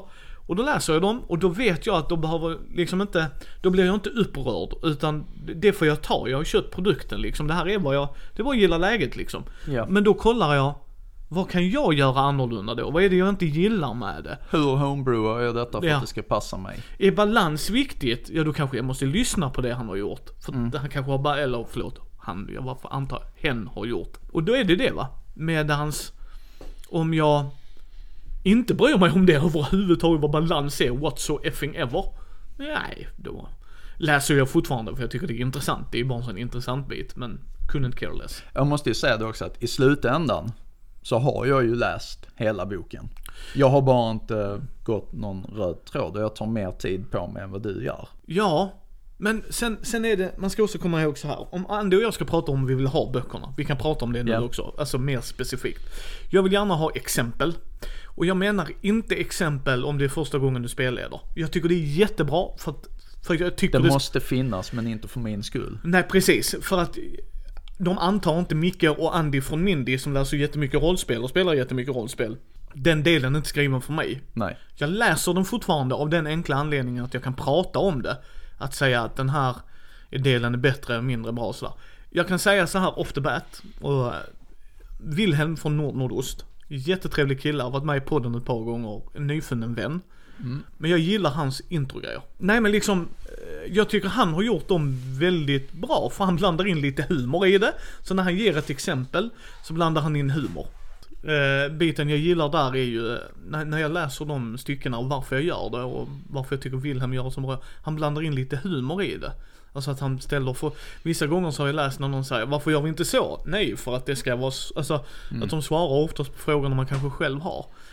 Och det är inte bara Wilhelm som gör det nu, varför jag tar upp det är för att jag har läst hans produkter nyligen för att Ja. göra videos på. Men för mig blir de styckena väldigt viktiga också hur de har gjort det. Att de verkligen har tänkt sig in i, om det här är någon som aldrig har spelat rollspel innan. Hur bra är man på att sätta sig in i och förklara för en sådan? Pre- Ja. Precis, för jag har jättesvårt att göra det. Liksom, när vi tre, när Linnea var här, som sagt, hennes referenspunkt för rollspel Mm. var bara Dungeons and Dragons, vilket jag förstår, återigen. Tro mig med de försäljningssiffrorna och hur det är spritt, absolut. Men hon, hon blev ju helt, wow, är det här också rollspel? Och då blir det liksom så här, den tanken är jättebra. Sen gillar jag när du har exempel i stycket. Så till exempel, när man gör karaktärer, att de har med hur man gör en karaktär. ja. Jag, jag personligen gillar det. För att även om jag läser så mycket text så får jag det dubbelbekräftat. Förstår du hur jag tänker? Ja, ja, jag förstår exakt hur du tänker. Ja. Eh, absolut. Och det, det är det jag vill ha av det. Sen vill jag gärna när man går igenom de olika delarna att de har det strukturerat. Så till exempel, har du regler för hur man gör i en eh, icke-combat-konflikt? Alltså när vi ska slå tärningar och det inte är Ja. strid. Då vill jag ha ett stycke för det. Jag vill ha ett exempel med det. Så jag kan få det igen framför mig. Eh, sen som Typ spot rules. spot rules eller eh, jag ska övertala Andy. Eh, eller någon ska övertala mig. Förstod du vad jag menar med spot rules nu? Inte, inte spot hidden, Ja. utan Ja men kör för de som inte. Ja, nej, eh, spot rules i till exempel eh, favoriten eh, Call of Cthulhu. Så har de väldigt tydligt i regelkapitlet till exempel pla pla pla pla. pla. Sen kommer det kanske en tredjedel av sidan där nere där det står spot rules. Där det är ett tydligt exempel på Ja. hur appliceras den här regeln in game. Ja. Ja men precis. Det är precis. det jag menar. Med. Ja. Men, men, men liksom sådana grejer så här. Sen vill jag ha en strid. Jag vill gärna att de förklarar striden också. Mm. Liksom så här är tanken bakom det, så här. Och sen i slutet, och jag vill ha det konstruerat så. Icke combat-grejer, combat-grejer, läkning. Du vill ha det i den ordningen. Japp. Är det viktigt? Oftast för att då vet jag när jag bläddrar i boken. Du har en sån regelfråga, det är det här någonstans. Du har en combatfråga, bläddrar bara lite längre. Du har en läkningsfråga, bläddrar vi lite till. Sprider de ut det, självklart kan jag kolla index, det fattar jag. Men det blir väldigt rörigt för att Så du vill se en industristandard för vilken ordning olika saker presenteras? oftast, inte alltid, inte alltid. Men, ska jag vara ärlig? Jag upplever att det nästan är så i alla spel. jo, I jo, exakt den ordningen du säger. det brukar det vara. Ja. Det ska jag inte säga att det inte är, men jag, jag kan förstå varför, för i mitt huvud funkar det. Ja. Och för helt ärligt, börjar du ställa en fråga om strid, kommer läkningsfrågan sen. Mm. Oftast. Okej, vad händer nu? Nu har jag tagit skada, hur läker jag detta? Det är min generella bild. Det är få gånger jag har hört en enda spelare vid bordet fråga. får jag lov att komma in med en sak här nu? Jag, Ja. jag som gillar fluffet så pass mycket. Jag ser gärna att man stoppar in de här exemplen i en flufftext. Om det går. Så att du har liksom regeln och sen har du flufftexten. Eller ännu bättre, du har reglerna, sen har du exemplet, sen har du flufftexten. Det där kan jag man hålla med ser om. den här situationen. Men det, det är ju jag som, som jag sa tidigare, man- tycker att det är intressant att läsa fluffet. Ja men om du säger, anv- använder premissen som du gav där, kaviatet, att det är... Eh, För alltså, att understryka regeln. jo, Och jo, men, visa ett in-game exempel mer. vad jag menar är Andy, det, det köper jag. Vad jag bara menar är som du sa, att de får det att fungera. Alltså att Mm. du, du märker att, nej men det här, i den här kontexten blev det bra. Ja. Inte när de krystar in det. Nej, nej, nej, men man kan ju, oavsett vad man gör så kan man ju inte så här tvinga in saker med en kofot och... Nej. Så det håller jag med dig om. Det håller jag helt med dig om. Får man då passa i världen till exempel att vi kör ett, eh, en gardspel, alltså vi är musketörer. Ja. Och han drar sin varga och så målar man ut bilden. Mycket bättre. För då får vi in RP-delen. Mm. Så som vi gillar att spela. Mm. Och sen mekaniken. Hur det fungerar. Skitbra. Så det håller jag helt med dig. Ja. Det, det är ju den perfekta världen. Sen vill jag gärna när man ger mig fluff. Det, det, det vill jag gärna du berättar hur du tänker där också. Ja. Jag vill veta, oavsett vilket spel jag spelar. Vad är premissen med världen? Vad är premissen? Jag vill gärna ha ett övergripande först. Är det att det är monarki? Är det att det är republik, alltså så här, republik liksom? Är det en kejsardröm? Vad, vad är det? Vad är, det är ju också monarki, det fattar jag. Men liksom alltså, är det en diktatur? Är det inte en diktatur? Och är det vår värld med en twist? Är det vår värld utan en twist? Alltså rakt av bara vår värld. Alltså förstår du? Alla Ja. de grejerna vill jag veta i början. Ja, ja. I- i- alltså i det, det ska ju helst, för min del så ska det helst framgå redan på baksidan av boken. Självklart, det ger dig en liten synopsis, men jag vill ändå att de går in på detta liksom. Och till exempel temat med spelet. I det här spelet så går det ut på att man är fem, fyra till fem detektiver. Bra detektivspel. Man kan s- säkert spela det på andra sätt också. Mm. Ja. Men liksom vad är premissen för Ja. det? Eh, som till exempel Stjärnornas krig. Alla vet om när vi plockar upp det spelet att okej, vi är en liten rebellgrupp. Ja, men precis. Ända Ja. tills du säger, du tar upp och så ser vi att vi är stormtroopers. Ja. Det- Det är skitbra, men då, då ska ju jag veta det. Alltså då, Exakt. jag som tar upp denna Star Wars-boken ska ju veta. Du som spelar den här, ja, mycket jämfört med många andra så spelar ni faktiskt Imperiet. Wow, okej, nu vet jag det. Nu har jag det mindsetet redan. För då, för då skriver de oftast ur kejsarens synpunkt eller Ja. ur, det är lugnt, det är fine, bara så att jag vet det. Ja. ja, nej men alltså naturligtvis. Premissen måste, måste synas tydligt. eh, Och tidigt. För att gillar man inte premissen så vill man inte läsa vidare. Nej, och sen håller jag 100% med Andy, min brother from another mother.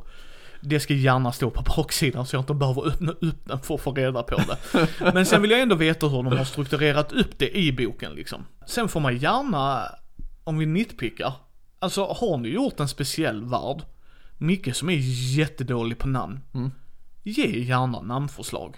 Alltså för du får en setting på det. Har du tänkt att det ska vara nordisk mytologi, fast med en twist eller? Stoppa in en namnlista någonstans. Ja. Alltså det, man, man brukar ha de flesta spel, och det är någonting jag vill ha, ett appendix i slutet. Ja. Där man har samlat eh, utrustningslistor. Och gärna de här spot rules som jag Ja. pratade om sånt tidigare också. Eh, och där får man gärna stoppa in det här med ja, förslag på namnlistor och, och så vidare och så vidare. Det behöver inte vara jättemycket, men några som kickar igång hjärnan på mig. Men nu har vi kollat regelboken. Ja, nu vill jag komma till, eh, Scenario. till scenarierna. Ja, äventyren. Ja. För er som Jag inte- börjar från slutet.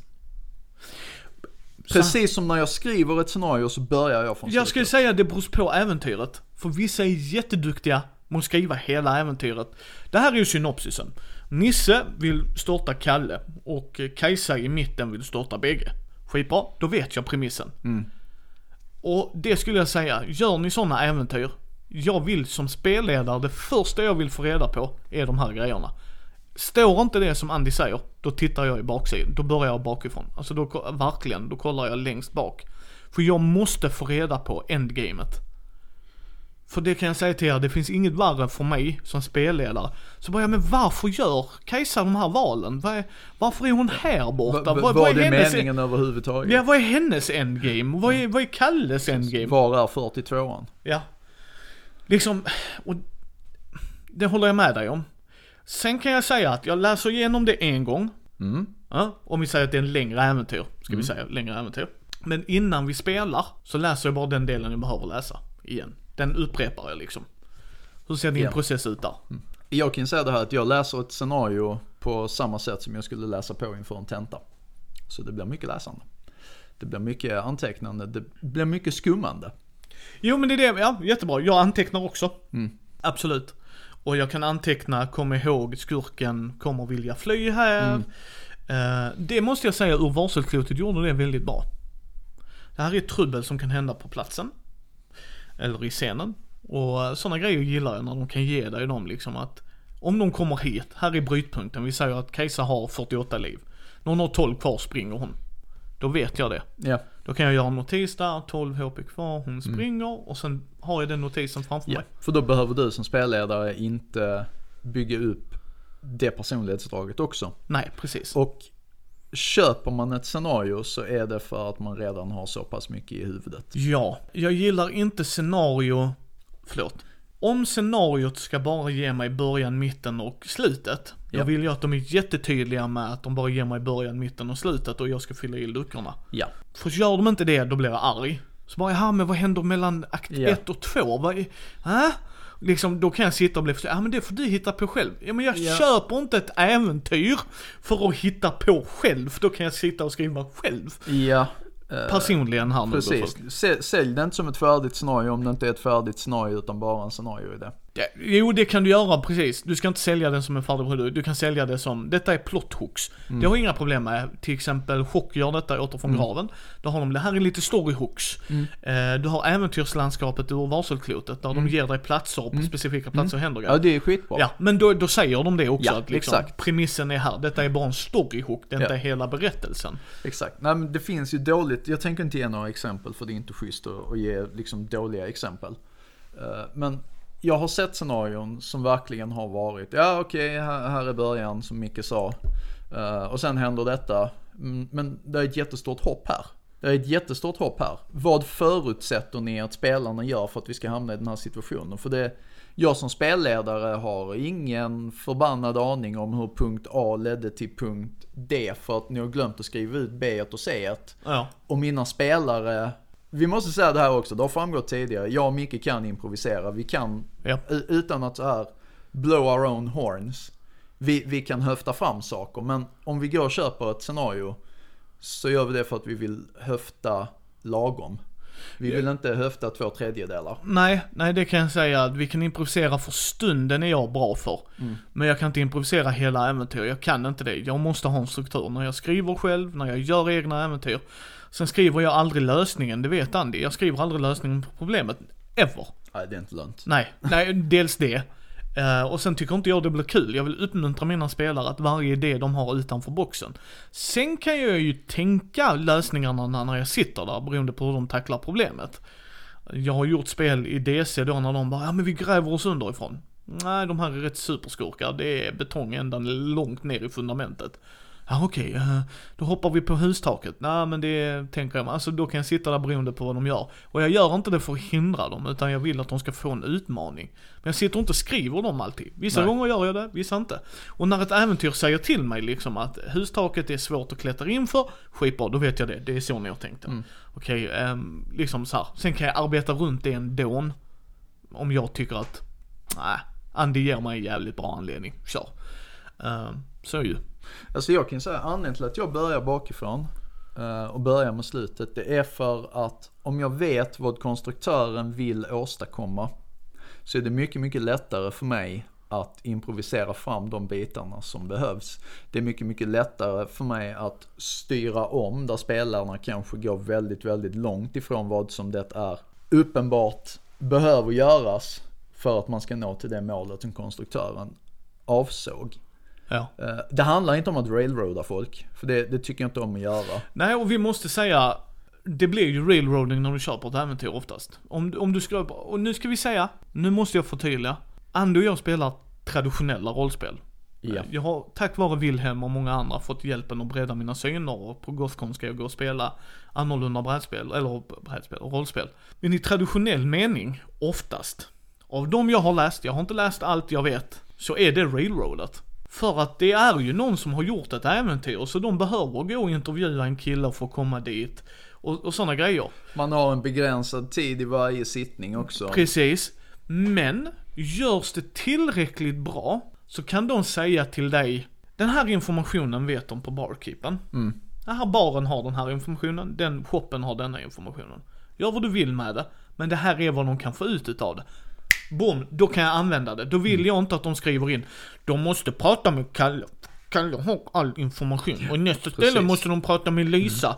Och du så behöver miss- klara ett slag för att Kalle ska ge information A så behöver de klara ett slag med differens Z. Ja. Eh, om de klarar ett eh, slag med differens någonting annat så kommer de att få ytterligare information detta. Ehm, Utan jag gillar när de ger mig en kort synopsis. Här kan de få reda på det. Det kan vara Kalle eller Lisa som har det. Mm. Inga som helst problem. Och då, då brukar de säga för att Lisa är en i gänget. ja. Men okej, men då kan jag brodera ut det. Då vet jag vad det är de vill. Och jag menar, jag har inga problem med det överhuvudtaget, bara det görs snyggt. Och det kan jag säga i ett äventyr, som Andy sa, får jag inte reda på det från början. Vad vill, vad är poängen med äventyret till att börja med? Vad är karaktärerna i äventyret? Vad är deras poänger? Vad vill de åt? Vad vill de inte åt? Vad är, om där är en sån, haha, plot twist för att eh, Chimichong Dingeling Dong Dong utomjordingen är en, egentligen en trippeldubbel thingamabob agent. Då ska jag veta det. Du ska ge dig sören på att jag ska ha den informationen off the bat. Som spelledare. En annan grej jag vill ha i eh, traditionella köpta scenarion eller så här färdigskrivna scenarion. Det är den tydliga storyhooken för spelargruppen. För att alla känner till den mystiska främlingen på tavernan.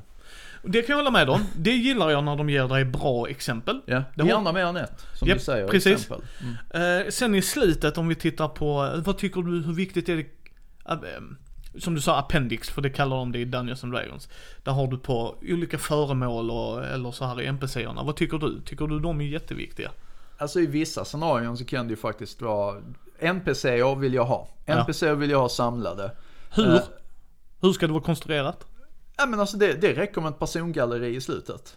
Eh, Alltså bara bilden menar du? Nej, nej, nej, men, men bilden och eh, deras korta bio. Ja. Statsen och sånt, sällan viktiga. Men det är ju för att jag rollspelar så pass mycket. Jag är ingen sifferspelare.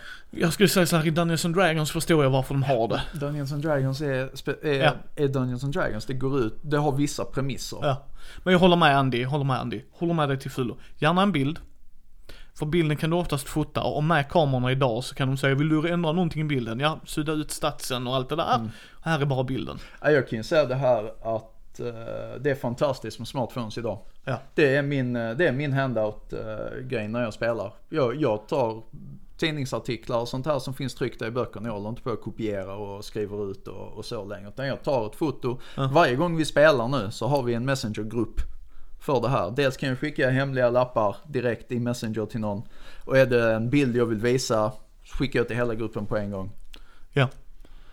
Eh, nej, så att jag, jag har en struktur. Dock läser jag, eh, äventyren försöker jag ändå läsa från, eh, bokpa, bo, fan, från första bokpärm till sista. Men som Andy säger, finns det inte en synopsis? Många har det ska jag säga gott folk. Många har förstått att det är det spelarna vill ha. För det ger dig också, ska man komma ihåg, om vi läser, om Andy och jag har 10 äventyrsböcker. Så kommer vi ihåg att, ja men vissa av dem var bra, alltså just för det jag vill uppnå idag. För just den gruppen och det. Och då kan man läsa det i början, nope, det var inte den. Nope, det var inte den. Och sen gå igenom, där var den, det var den jag ville åt. Och så fortsätter man. kan ge ett bra exempel på, eh, på en bok som är skriven på precis rätt sätt. Uh, Tariotikum till uh, Kult. Den, den är, om, om man läser den boken så innehåller den allting som jag önskar mig av ett uh, Ja. form, formalian och formatet för hur ett scenario ska vara skrivet. Jag gillar Cthulhu, de försvunna soldaterna av Moa Fritzefsson. Jag ber om ursäkt om jag slaktar ditt namn.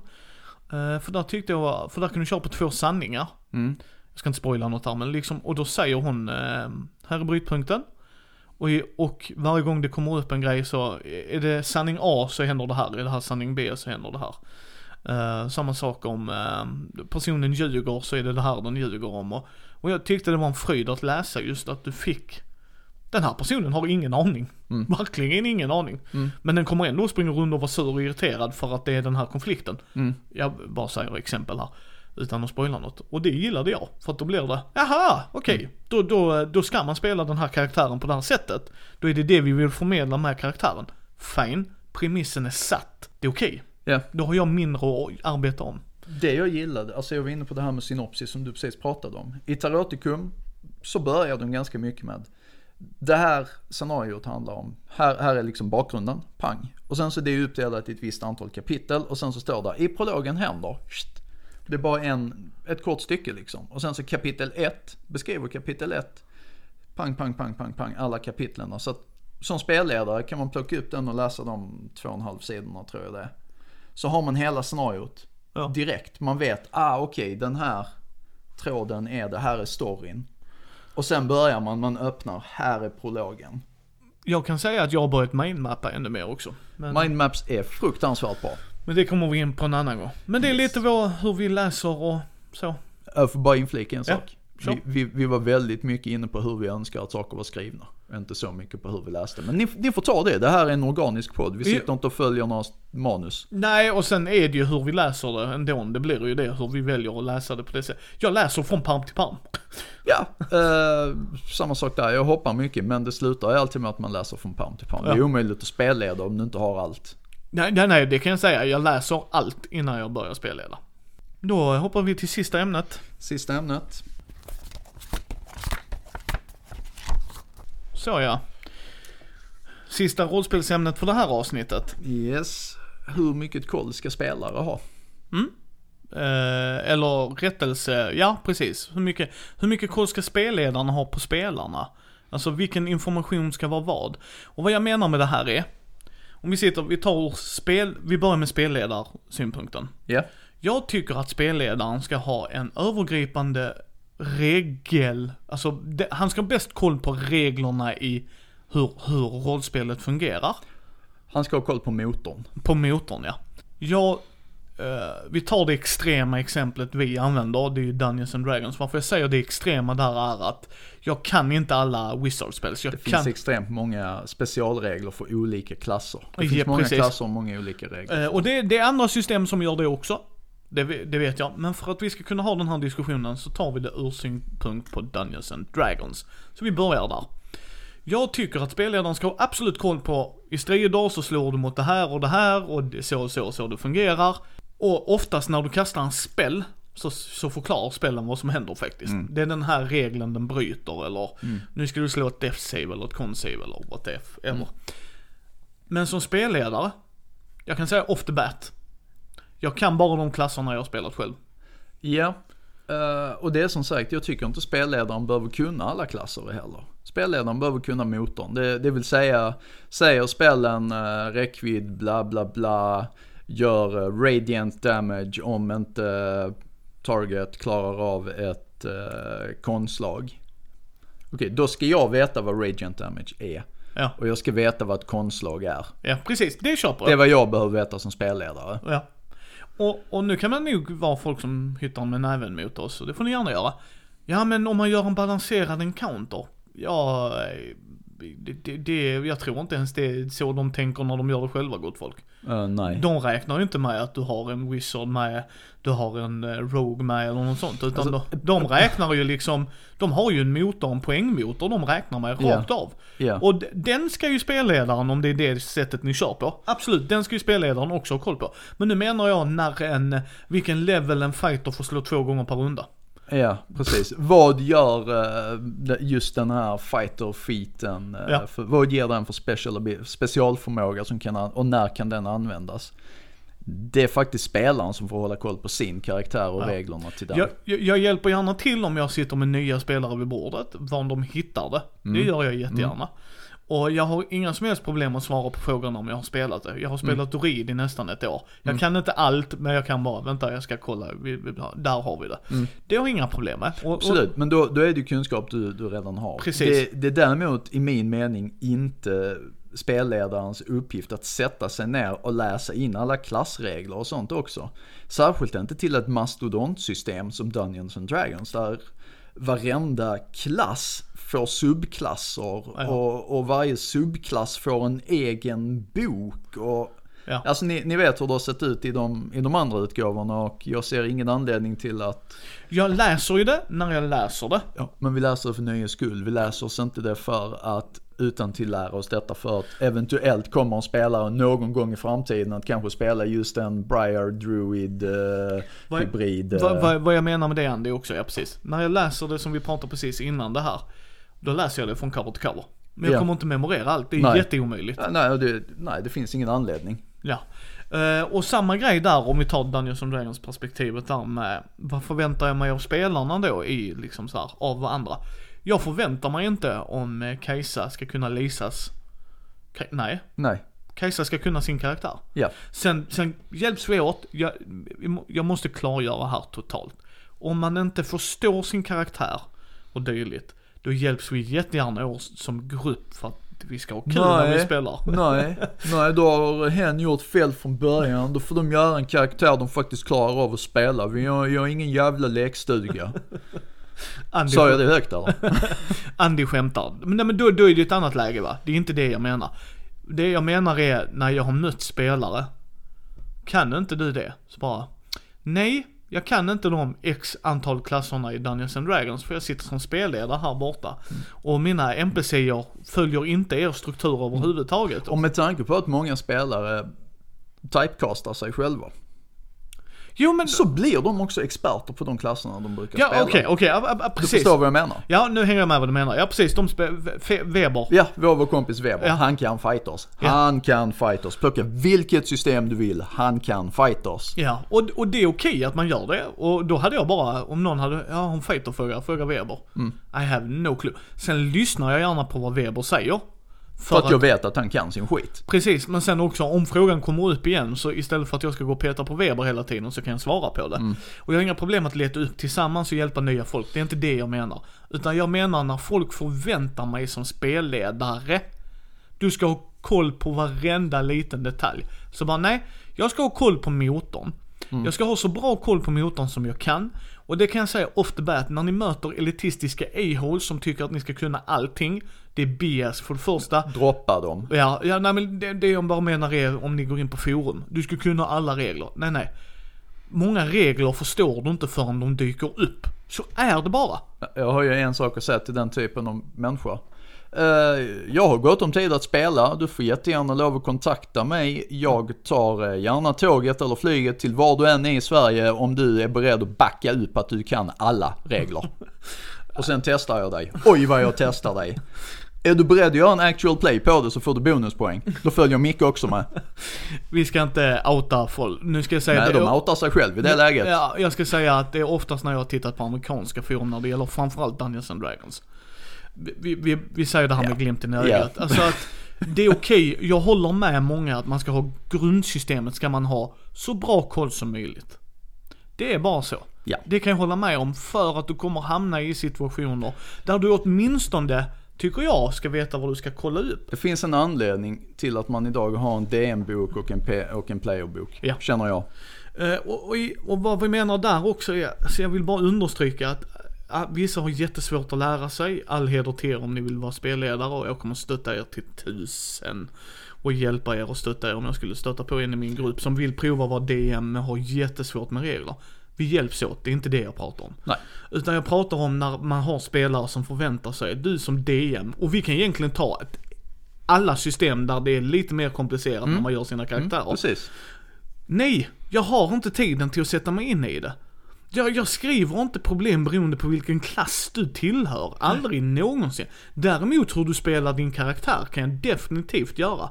Att nu spelar Lisa en bullshitter konartist. Mm, då kan jag absolut anpassa situationerna för det. Men jag tittar Men- inte, vad har, vad har du i karisma?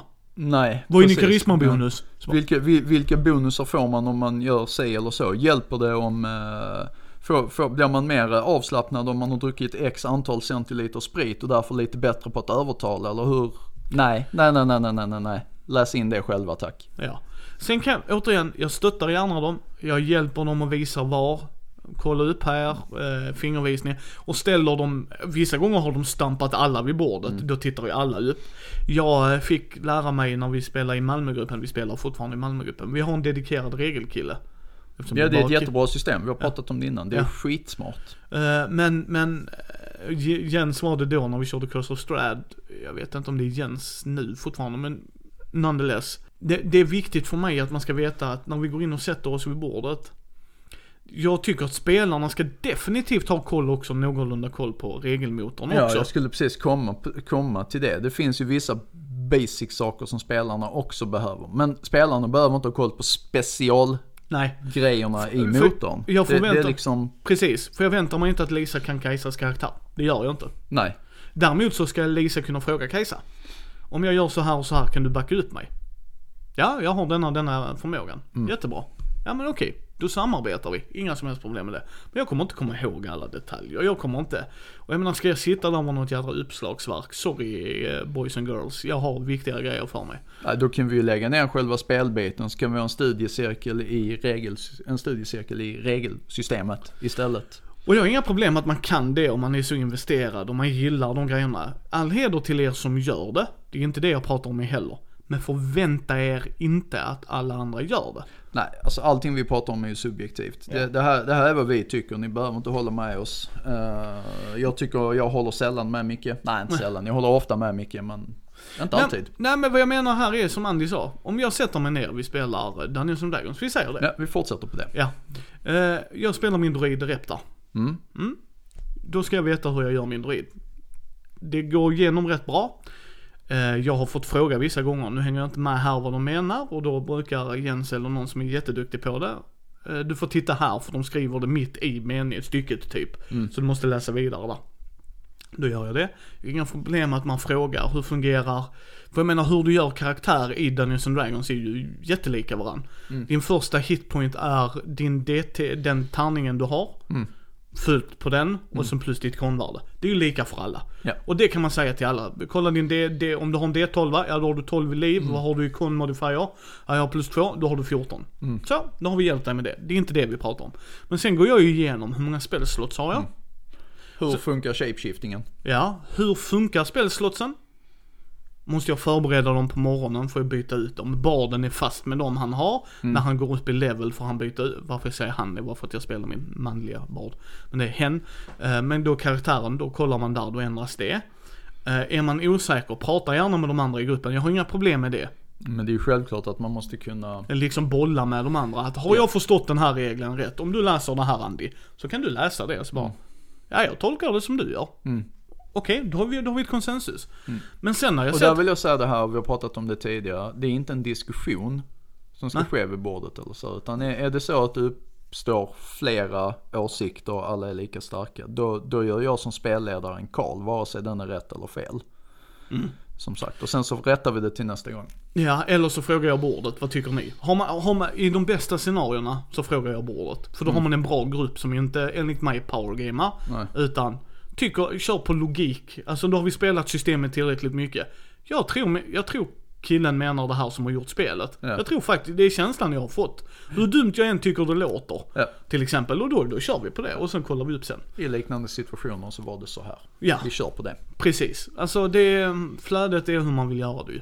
Men det, det, det är som sagt, grundfrågan är lite grann att uh, spelledaren ska inte kunna allt. Nej, alltså. Eh, vi är så upptagna med att läsa scenarion, skriva scenarion, balansera encounters och så vidare och så vidare och så vidare. Ska vi dessutom wetnursa dina specialintressen? Om, om du förstår vad jag menar Ja. när jag använder den termen. Eh, Ska jag lära mig alla specialregler om just din specifika subklass? Ja men, när ska jag hinna? Ja. Vad, vad vill du att jag offrar? Vi har bara så här mycket tid. Vad vill du att vi tar bort scenariot eller? Sen, upp, sen uppmuntrar jag när spelare kommer till mig och frågar. Eh, fungerar den här regeln så som jag har tänkt mig? För det här blir rätt avgörande om jag ska ta subklass A eller B. Fråga mig då. Och då får vi sätta oss in i det och då kommer jag fråga dig, nu får du ge mig ett exempel. Men som Andy säger, du, nej. Eh, och jag vill säga det också, det, fin- det kan ju finnas en del ability som verkligen rubbar balansen beroende på hur scenariot är skrivet och hur resten av gruppen är sammansatt. Det är sånt jag som spe- spelledare gärna vill veta i förhand också, så man kan ta en, ta en diskussion med den här spelaren och man säger, jo jag vet att du regeltekniskt kan göra detta, men blir det verkligen det som är roligast? Är det verkligen det som kommer vara mest givande för oss allihopa? Eller är det bara du som kommer få en powertrip? Där har jag nog turen att jag är bortskämd med vilka jag spelar med. Ja, jag också, men jag Mm. tänker på att situationen uppstår. Och där kan jag säga hur jag hade hanterat det är mycket enkelt. Om de har gjort sin karaktär by the book, Ja, då får jag ta det. Har jag skrivit ett scenario som faller platt för att de har en grej som inte jag hade någon aning om. Mm. Då är det på mig faktiskt att kolla upp det. Det kan jag faktiskt tycka att spelledaren kan göra. Om han vet ja, ja alltså, Alltså, du säger emot dig själv. Nej men vad jag menar här är, om det är det jag bryr mig om, till exempel att Wizarden kan ha en spel som Ja. bara dispellar det, Ja, och det är det jag bryr mig om, då är det din uppgift att kolla det. ja, ja jag, absolut. liksom, ja. för jag bryr mig inte. Har jag gjort en tabbe med det, Mm. så tänker jag bara, så, eller det är ingen tabbe för mig, för om skurken gör A, Mm. så länge inte skurken har kollat upp mm. Kajsa, så kommer ju Kajsa surprisa han. Mm. Jag har Dispel Magic. Jaha, ja ja, ja men då har Mm. du ju det. Jo, Uh, och där tar vi ändå en, en, en relativt vanlig och oobskyr grej. Nu, nu har jag inte någon koll på femte feats eller så här som skulle kunna totalt fucka upp saker. Men jag vet att det har funnits en del andra eh, spelutgåvor eh, och så liknande. Eh, att det är inte alltid alla spel är balanserade. Och det, det behöver de inte vara i heller. Men om det är en spelare som kan powergamea sig igenom någonting och lämna alla andra bakom sig på något sätt. Då, är- då är det inte roligt oavsett hur regelmässigt korrekt det är. Eh, reglerna har inte alltid rätt. Det har vi varit inne på för mycket. Men där, där måste vi också särskilja Andy. För där är du och jag jätteduktiga tycker jag. Det är därför vi har sittning noll. Mm. Av just den anledningen så har jag sittning noll. Jag vill kolla hur karaktären görs. Mm. Vad deras mål är med den. Och jag kan till och med, där kan jag säga att där är gånger jag har läst om jag märker att spelaren i sig är mer viktig med stats och det. Mm. Då kan jag läsa på lite om det så jag vet var det kommer gå åt. Vilket håll det kommer braka åt. Ja. Och jag tar det innan vi hamnar där. Ja. Och blir vi surprisade, då tar jag diskussionen direkt efter. Mm. Du har brutit spelet. Ja. Tycker ni andra det är kul? Ja, då fortsätter vi. Ja. Då hanterar jag det. Det är Ja. lugnt. Tycker inte ni andra det är kul? Du tycker inte kul att ändra? Vad gör vi? Hur kan vi förbättra den här situationen? Ja. Nu har jag ju tur också, du också. Vi eh, har inga direkt eh, min-maxing power gamers på det Nej. viset. Alltså i, i, inte folk som skulle sätta sin egen min-maxning före eh, Precis. gruppen. Jag har folk som kan midmaxa men de Ja. gör inte det på bekostnad av gruppen. Nej, Jättebra att du sa det. precis. Och jag har inga problem att om det är det man gillar med systemet och det, det är inte det vi pratar om heller. Men där kommer vi fortfarande till kritan, vi flummar ut lite så Ja. vi kanske ska avrunda. Men jag tycker i slutändan, nej. Spelledaren ska inte ha koll på varenda klass kan göra eller karaktärsarketyp eller varenda liten skill. Vissa spel är mycket bättre på det för att de har en Nej. bredare pensel och det. Samma sak, jag förväntar mig inte att alla spelare vid bordet ska kunna alla andras klasser. Nej. Och De ska har- kunna sin egen och de ska kunna det grundläggande i motorn. Mm. Och jag kan säga så när vi har haft spelare som har droppat av och några har gått upp och hjälpt till. Alltså Mm. Andy spelar eh, min karaktär när jag inte är där. Ja. Då hjälps vi åt som grupp. Ja. Alltså, brukar inte han få bonus för den grejen? Ja. Jo det brukar han väl vara, vi tittar. Då, då hjälps vi åt, för då Ja. är inte personen där. Nej, då är det ju, och då, då är det ju en vikarie va. Den vikarien kan inte heller förväntas Mm. Nej, kunna allting. precis. Och vissa gånger kan jag säga också, vi har löst det genom att om, om Martin spelar Rogue jättemycket. Mm. Så är Pumpa inte med, då spelar Martin Rogen kanske. För han kan Rogen. Alltså, då, då gör man bara det. Du, du brukar Mm. ju spela det, kan du? Han bara, ja ja men det, är- det är lugnt. Jag, kan, jag, jag löser detta liksom. Eh, och sen, sen, sen när vi spelar, spelar vi med varann. Som oftast pratar ju våra spelare med varandra. Du jag fick den grejen, den dingar jag med den. Alltså det är så här, de Mm. går igenom de grejerna. Och kan du grundmotorn så memorerar man ju den då. Mm. Men det är ju inte att vi läser upp det utan det är ju den spelaren som Nu fick jag den, nu, nu slåss jag två gånger per attack. Ja. Jättebra, då vet vi det. Ja. att nu sa Weber det. Yay! Nu skulle du fråga mig när får han det? Ja. Står i boken. Precis. Så det, det är lite våra tankar runt det. Jag förväntar mig inte det när jag sätter mig vid ett bord med en spelledare heller. Eh, jag vill att de ska kunna grundmekaniken så mycket som möjligt. Har jag spelat längre i det, så hjälper jag hellre till än att stjälper dem. Alltså det är bara så jag förväntar Ja. mig liksom.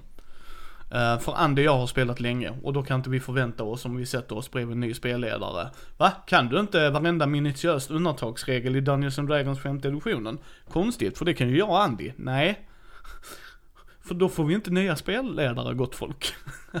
Eller hur Andy? Skulle vi inte få nya spelare? Spelledare, om vi, om vi skulle... Ah, skulle vi inte få nya spelledare? Jag förstår inte vad du pratar om, för jag har inte sett några nya spelledare sen jag träffade dig Micke. När träffades vi? Det är fem år sedan? Sex? Nej, tre, fyra? Vad fan, känns som längre. Ja. Du är så tråkig. Nej.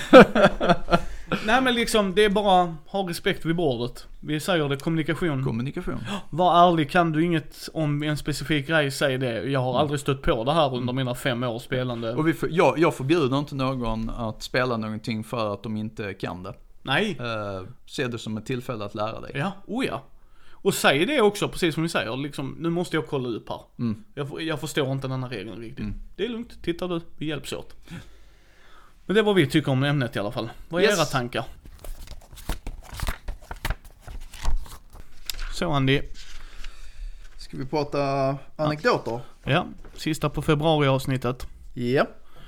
Vill du börja? Ja, det kan jag faktiskt göra. Mm. Eh, jag har redan sagt att jag spelade Call of Cthulhu i lördags med en uh, level 1 eller Ja. första gångs spelare. Och eh, som första gångs spelare, om man tycker det är roligt så vill man gärna vara med på allting och göra allting och inte missa någonting. Eh, och som vi sagt i Call of Cthulhu så är man erfaren så vill man missa allting, vara med på så lite som möjligt, sitta i sitt bibliotek och läsa typ Harlequin-böcker eller Biggles-böcker. Ingenting som är läderinbundet eller som är äldre än tre dagar. Vill du hänga med på ett äventyr? Nej.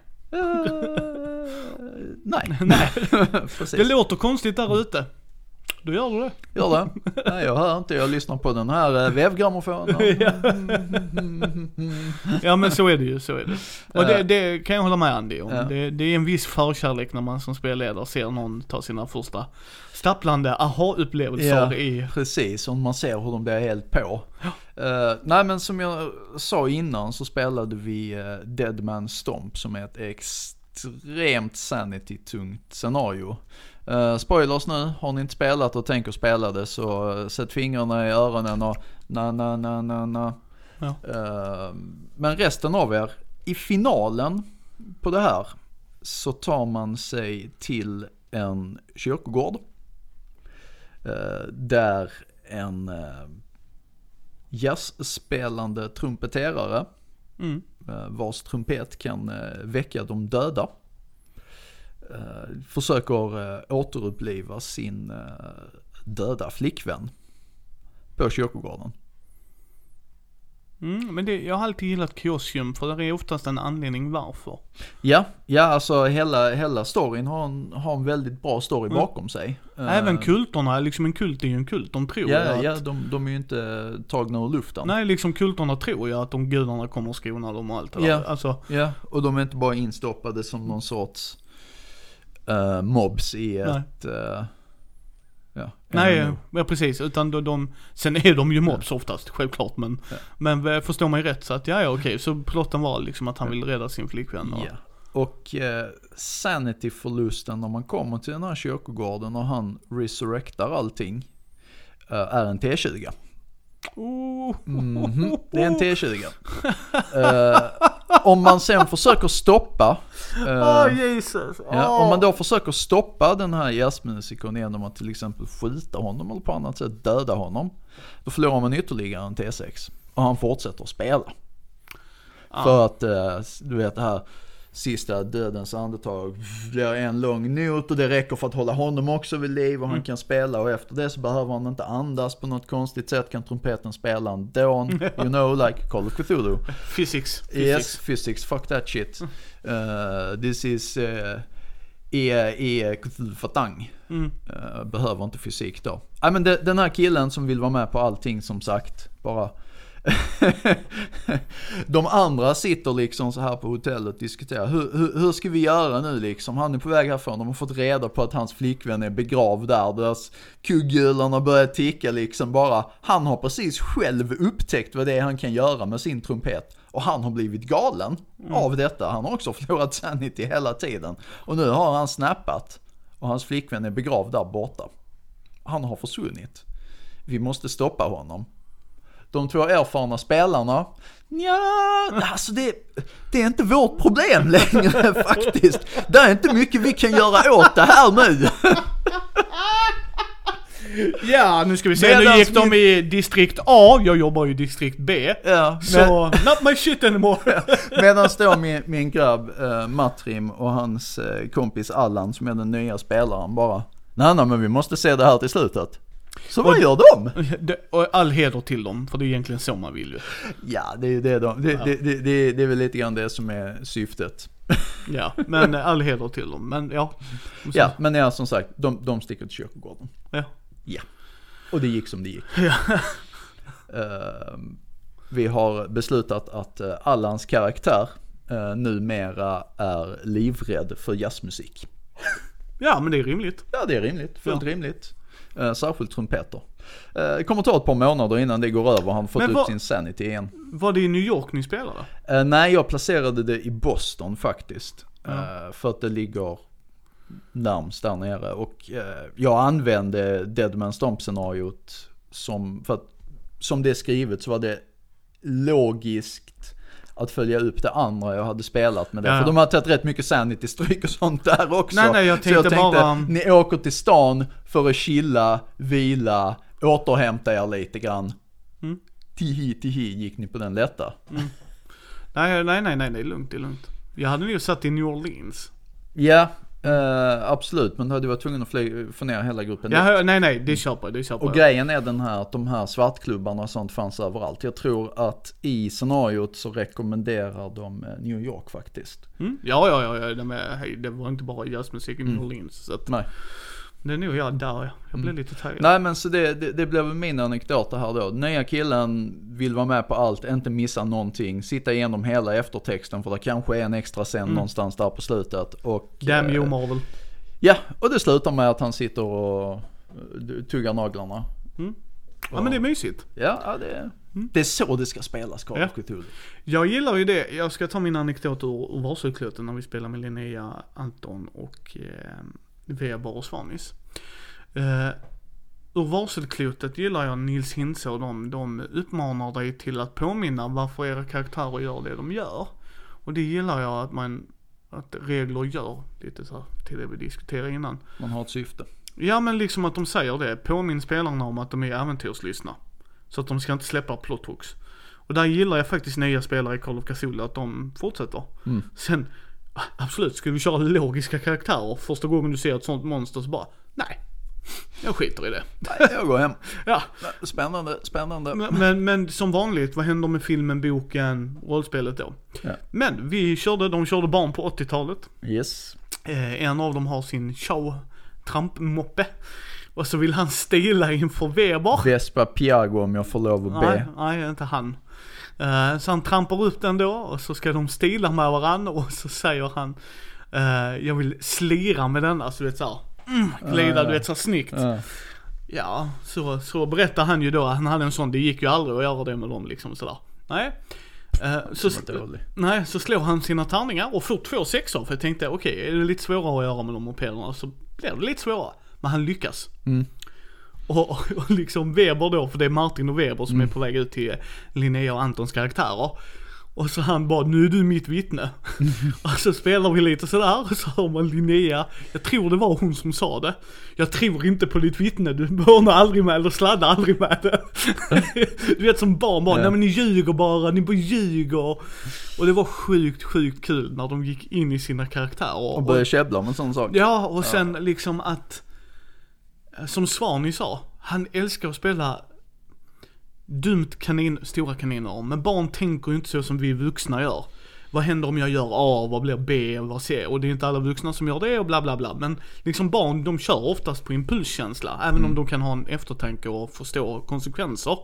Men liksom han menar, han behöver ju inte förstå grand scheme of all things. Han var Nej. 12 bast. Där händer någonting liksom. Och, eh, och hur de gick in i karaktärerna, hur de var fyra ungdomar eller så här barn och eh, de gjorde sina grejer och de hade sina scener och det var sjukt jävla kul. Men just det, nu ska jag slå här. Haha, jag lyckas. Jag litar inte på ditt vittne. Det har inte hänt. Även om hon satt med vid bordet när han lyckades med slaget. Hon rollspelar. Så hatten av. Ja, Vi ska fortsätta med det. det ska, vi vi ska hitta en dag där alla de fyra kan. Det är sjukt kul. Mm. Jag gillar verkligen det. Alltså, Ja. det- blir verkligen mys. Äventyr när man är barn och det. Nej, I love it. Som jag sa i början av scenariot, det står på min bucket list så eh, Ja, nej, det vi ska spela. Det ska vi definitivt göra. Det, för de har hur många one-offs som helst som jag vill spela med. Eh, om ni undrar varför jag bubblar extra mycket idag. Eh, precis innan vi börjar med mickarna så råkade Andy ta fel medicin. Och, ja. Andreas har två tabletter som ser i princip likadana ut. ja, och en av dem var sömntablett. Så, Jag har en liten, jag har en liten reseask så folk inte tror att jag går runt och pundar tabletter hur som helst. Jag har alla mina mediciner i en liten plåtask. Eh, två av dem ser likadana ut. ja. Så därför tog jag lite mer kommandot idag. Om det är det som låter. Men, yes. Eh, ni hittar ju oss som vanligt mindy.nu. Ni hittar ju också på Mindys bräd och rollspelspodd på Facebook, Instagram, Twitter och YouTube. Mm. Spotify, Ja, anywhere and everywhere. precis. Eh, Känner ni att ni vill stötta oss, gå gärna in och kolla på vår Patreon.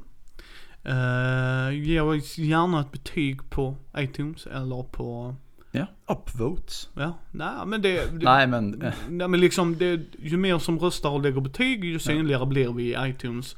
Liksom, oj du lyssnar på det här, boom, tips. jag, måste, jag måste säga det som, det uttrycket som stör mig allra mest när jag tittar på en YouTube-video. Mm. Don't forget to like and subscribe. Nej, ni behöver inte. Jag stör mig som fan på det. Får höra det i varje video.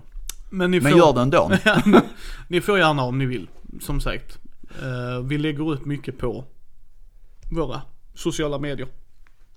Tveka aldrig att höra av er om det är något också. Nej, Messenger eller uh, mail Maila. till info.mindy.nu.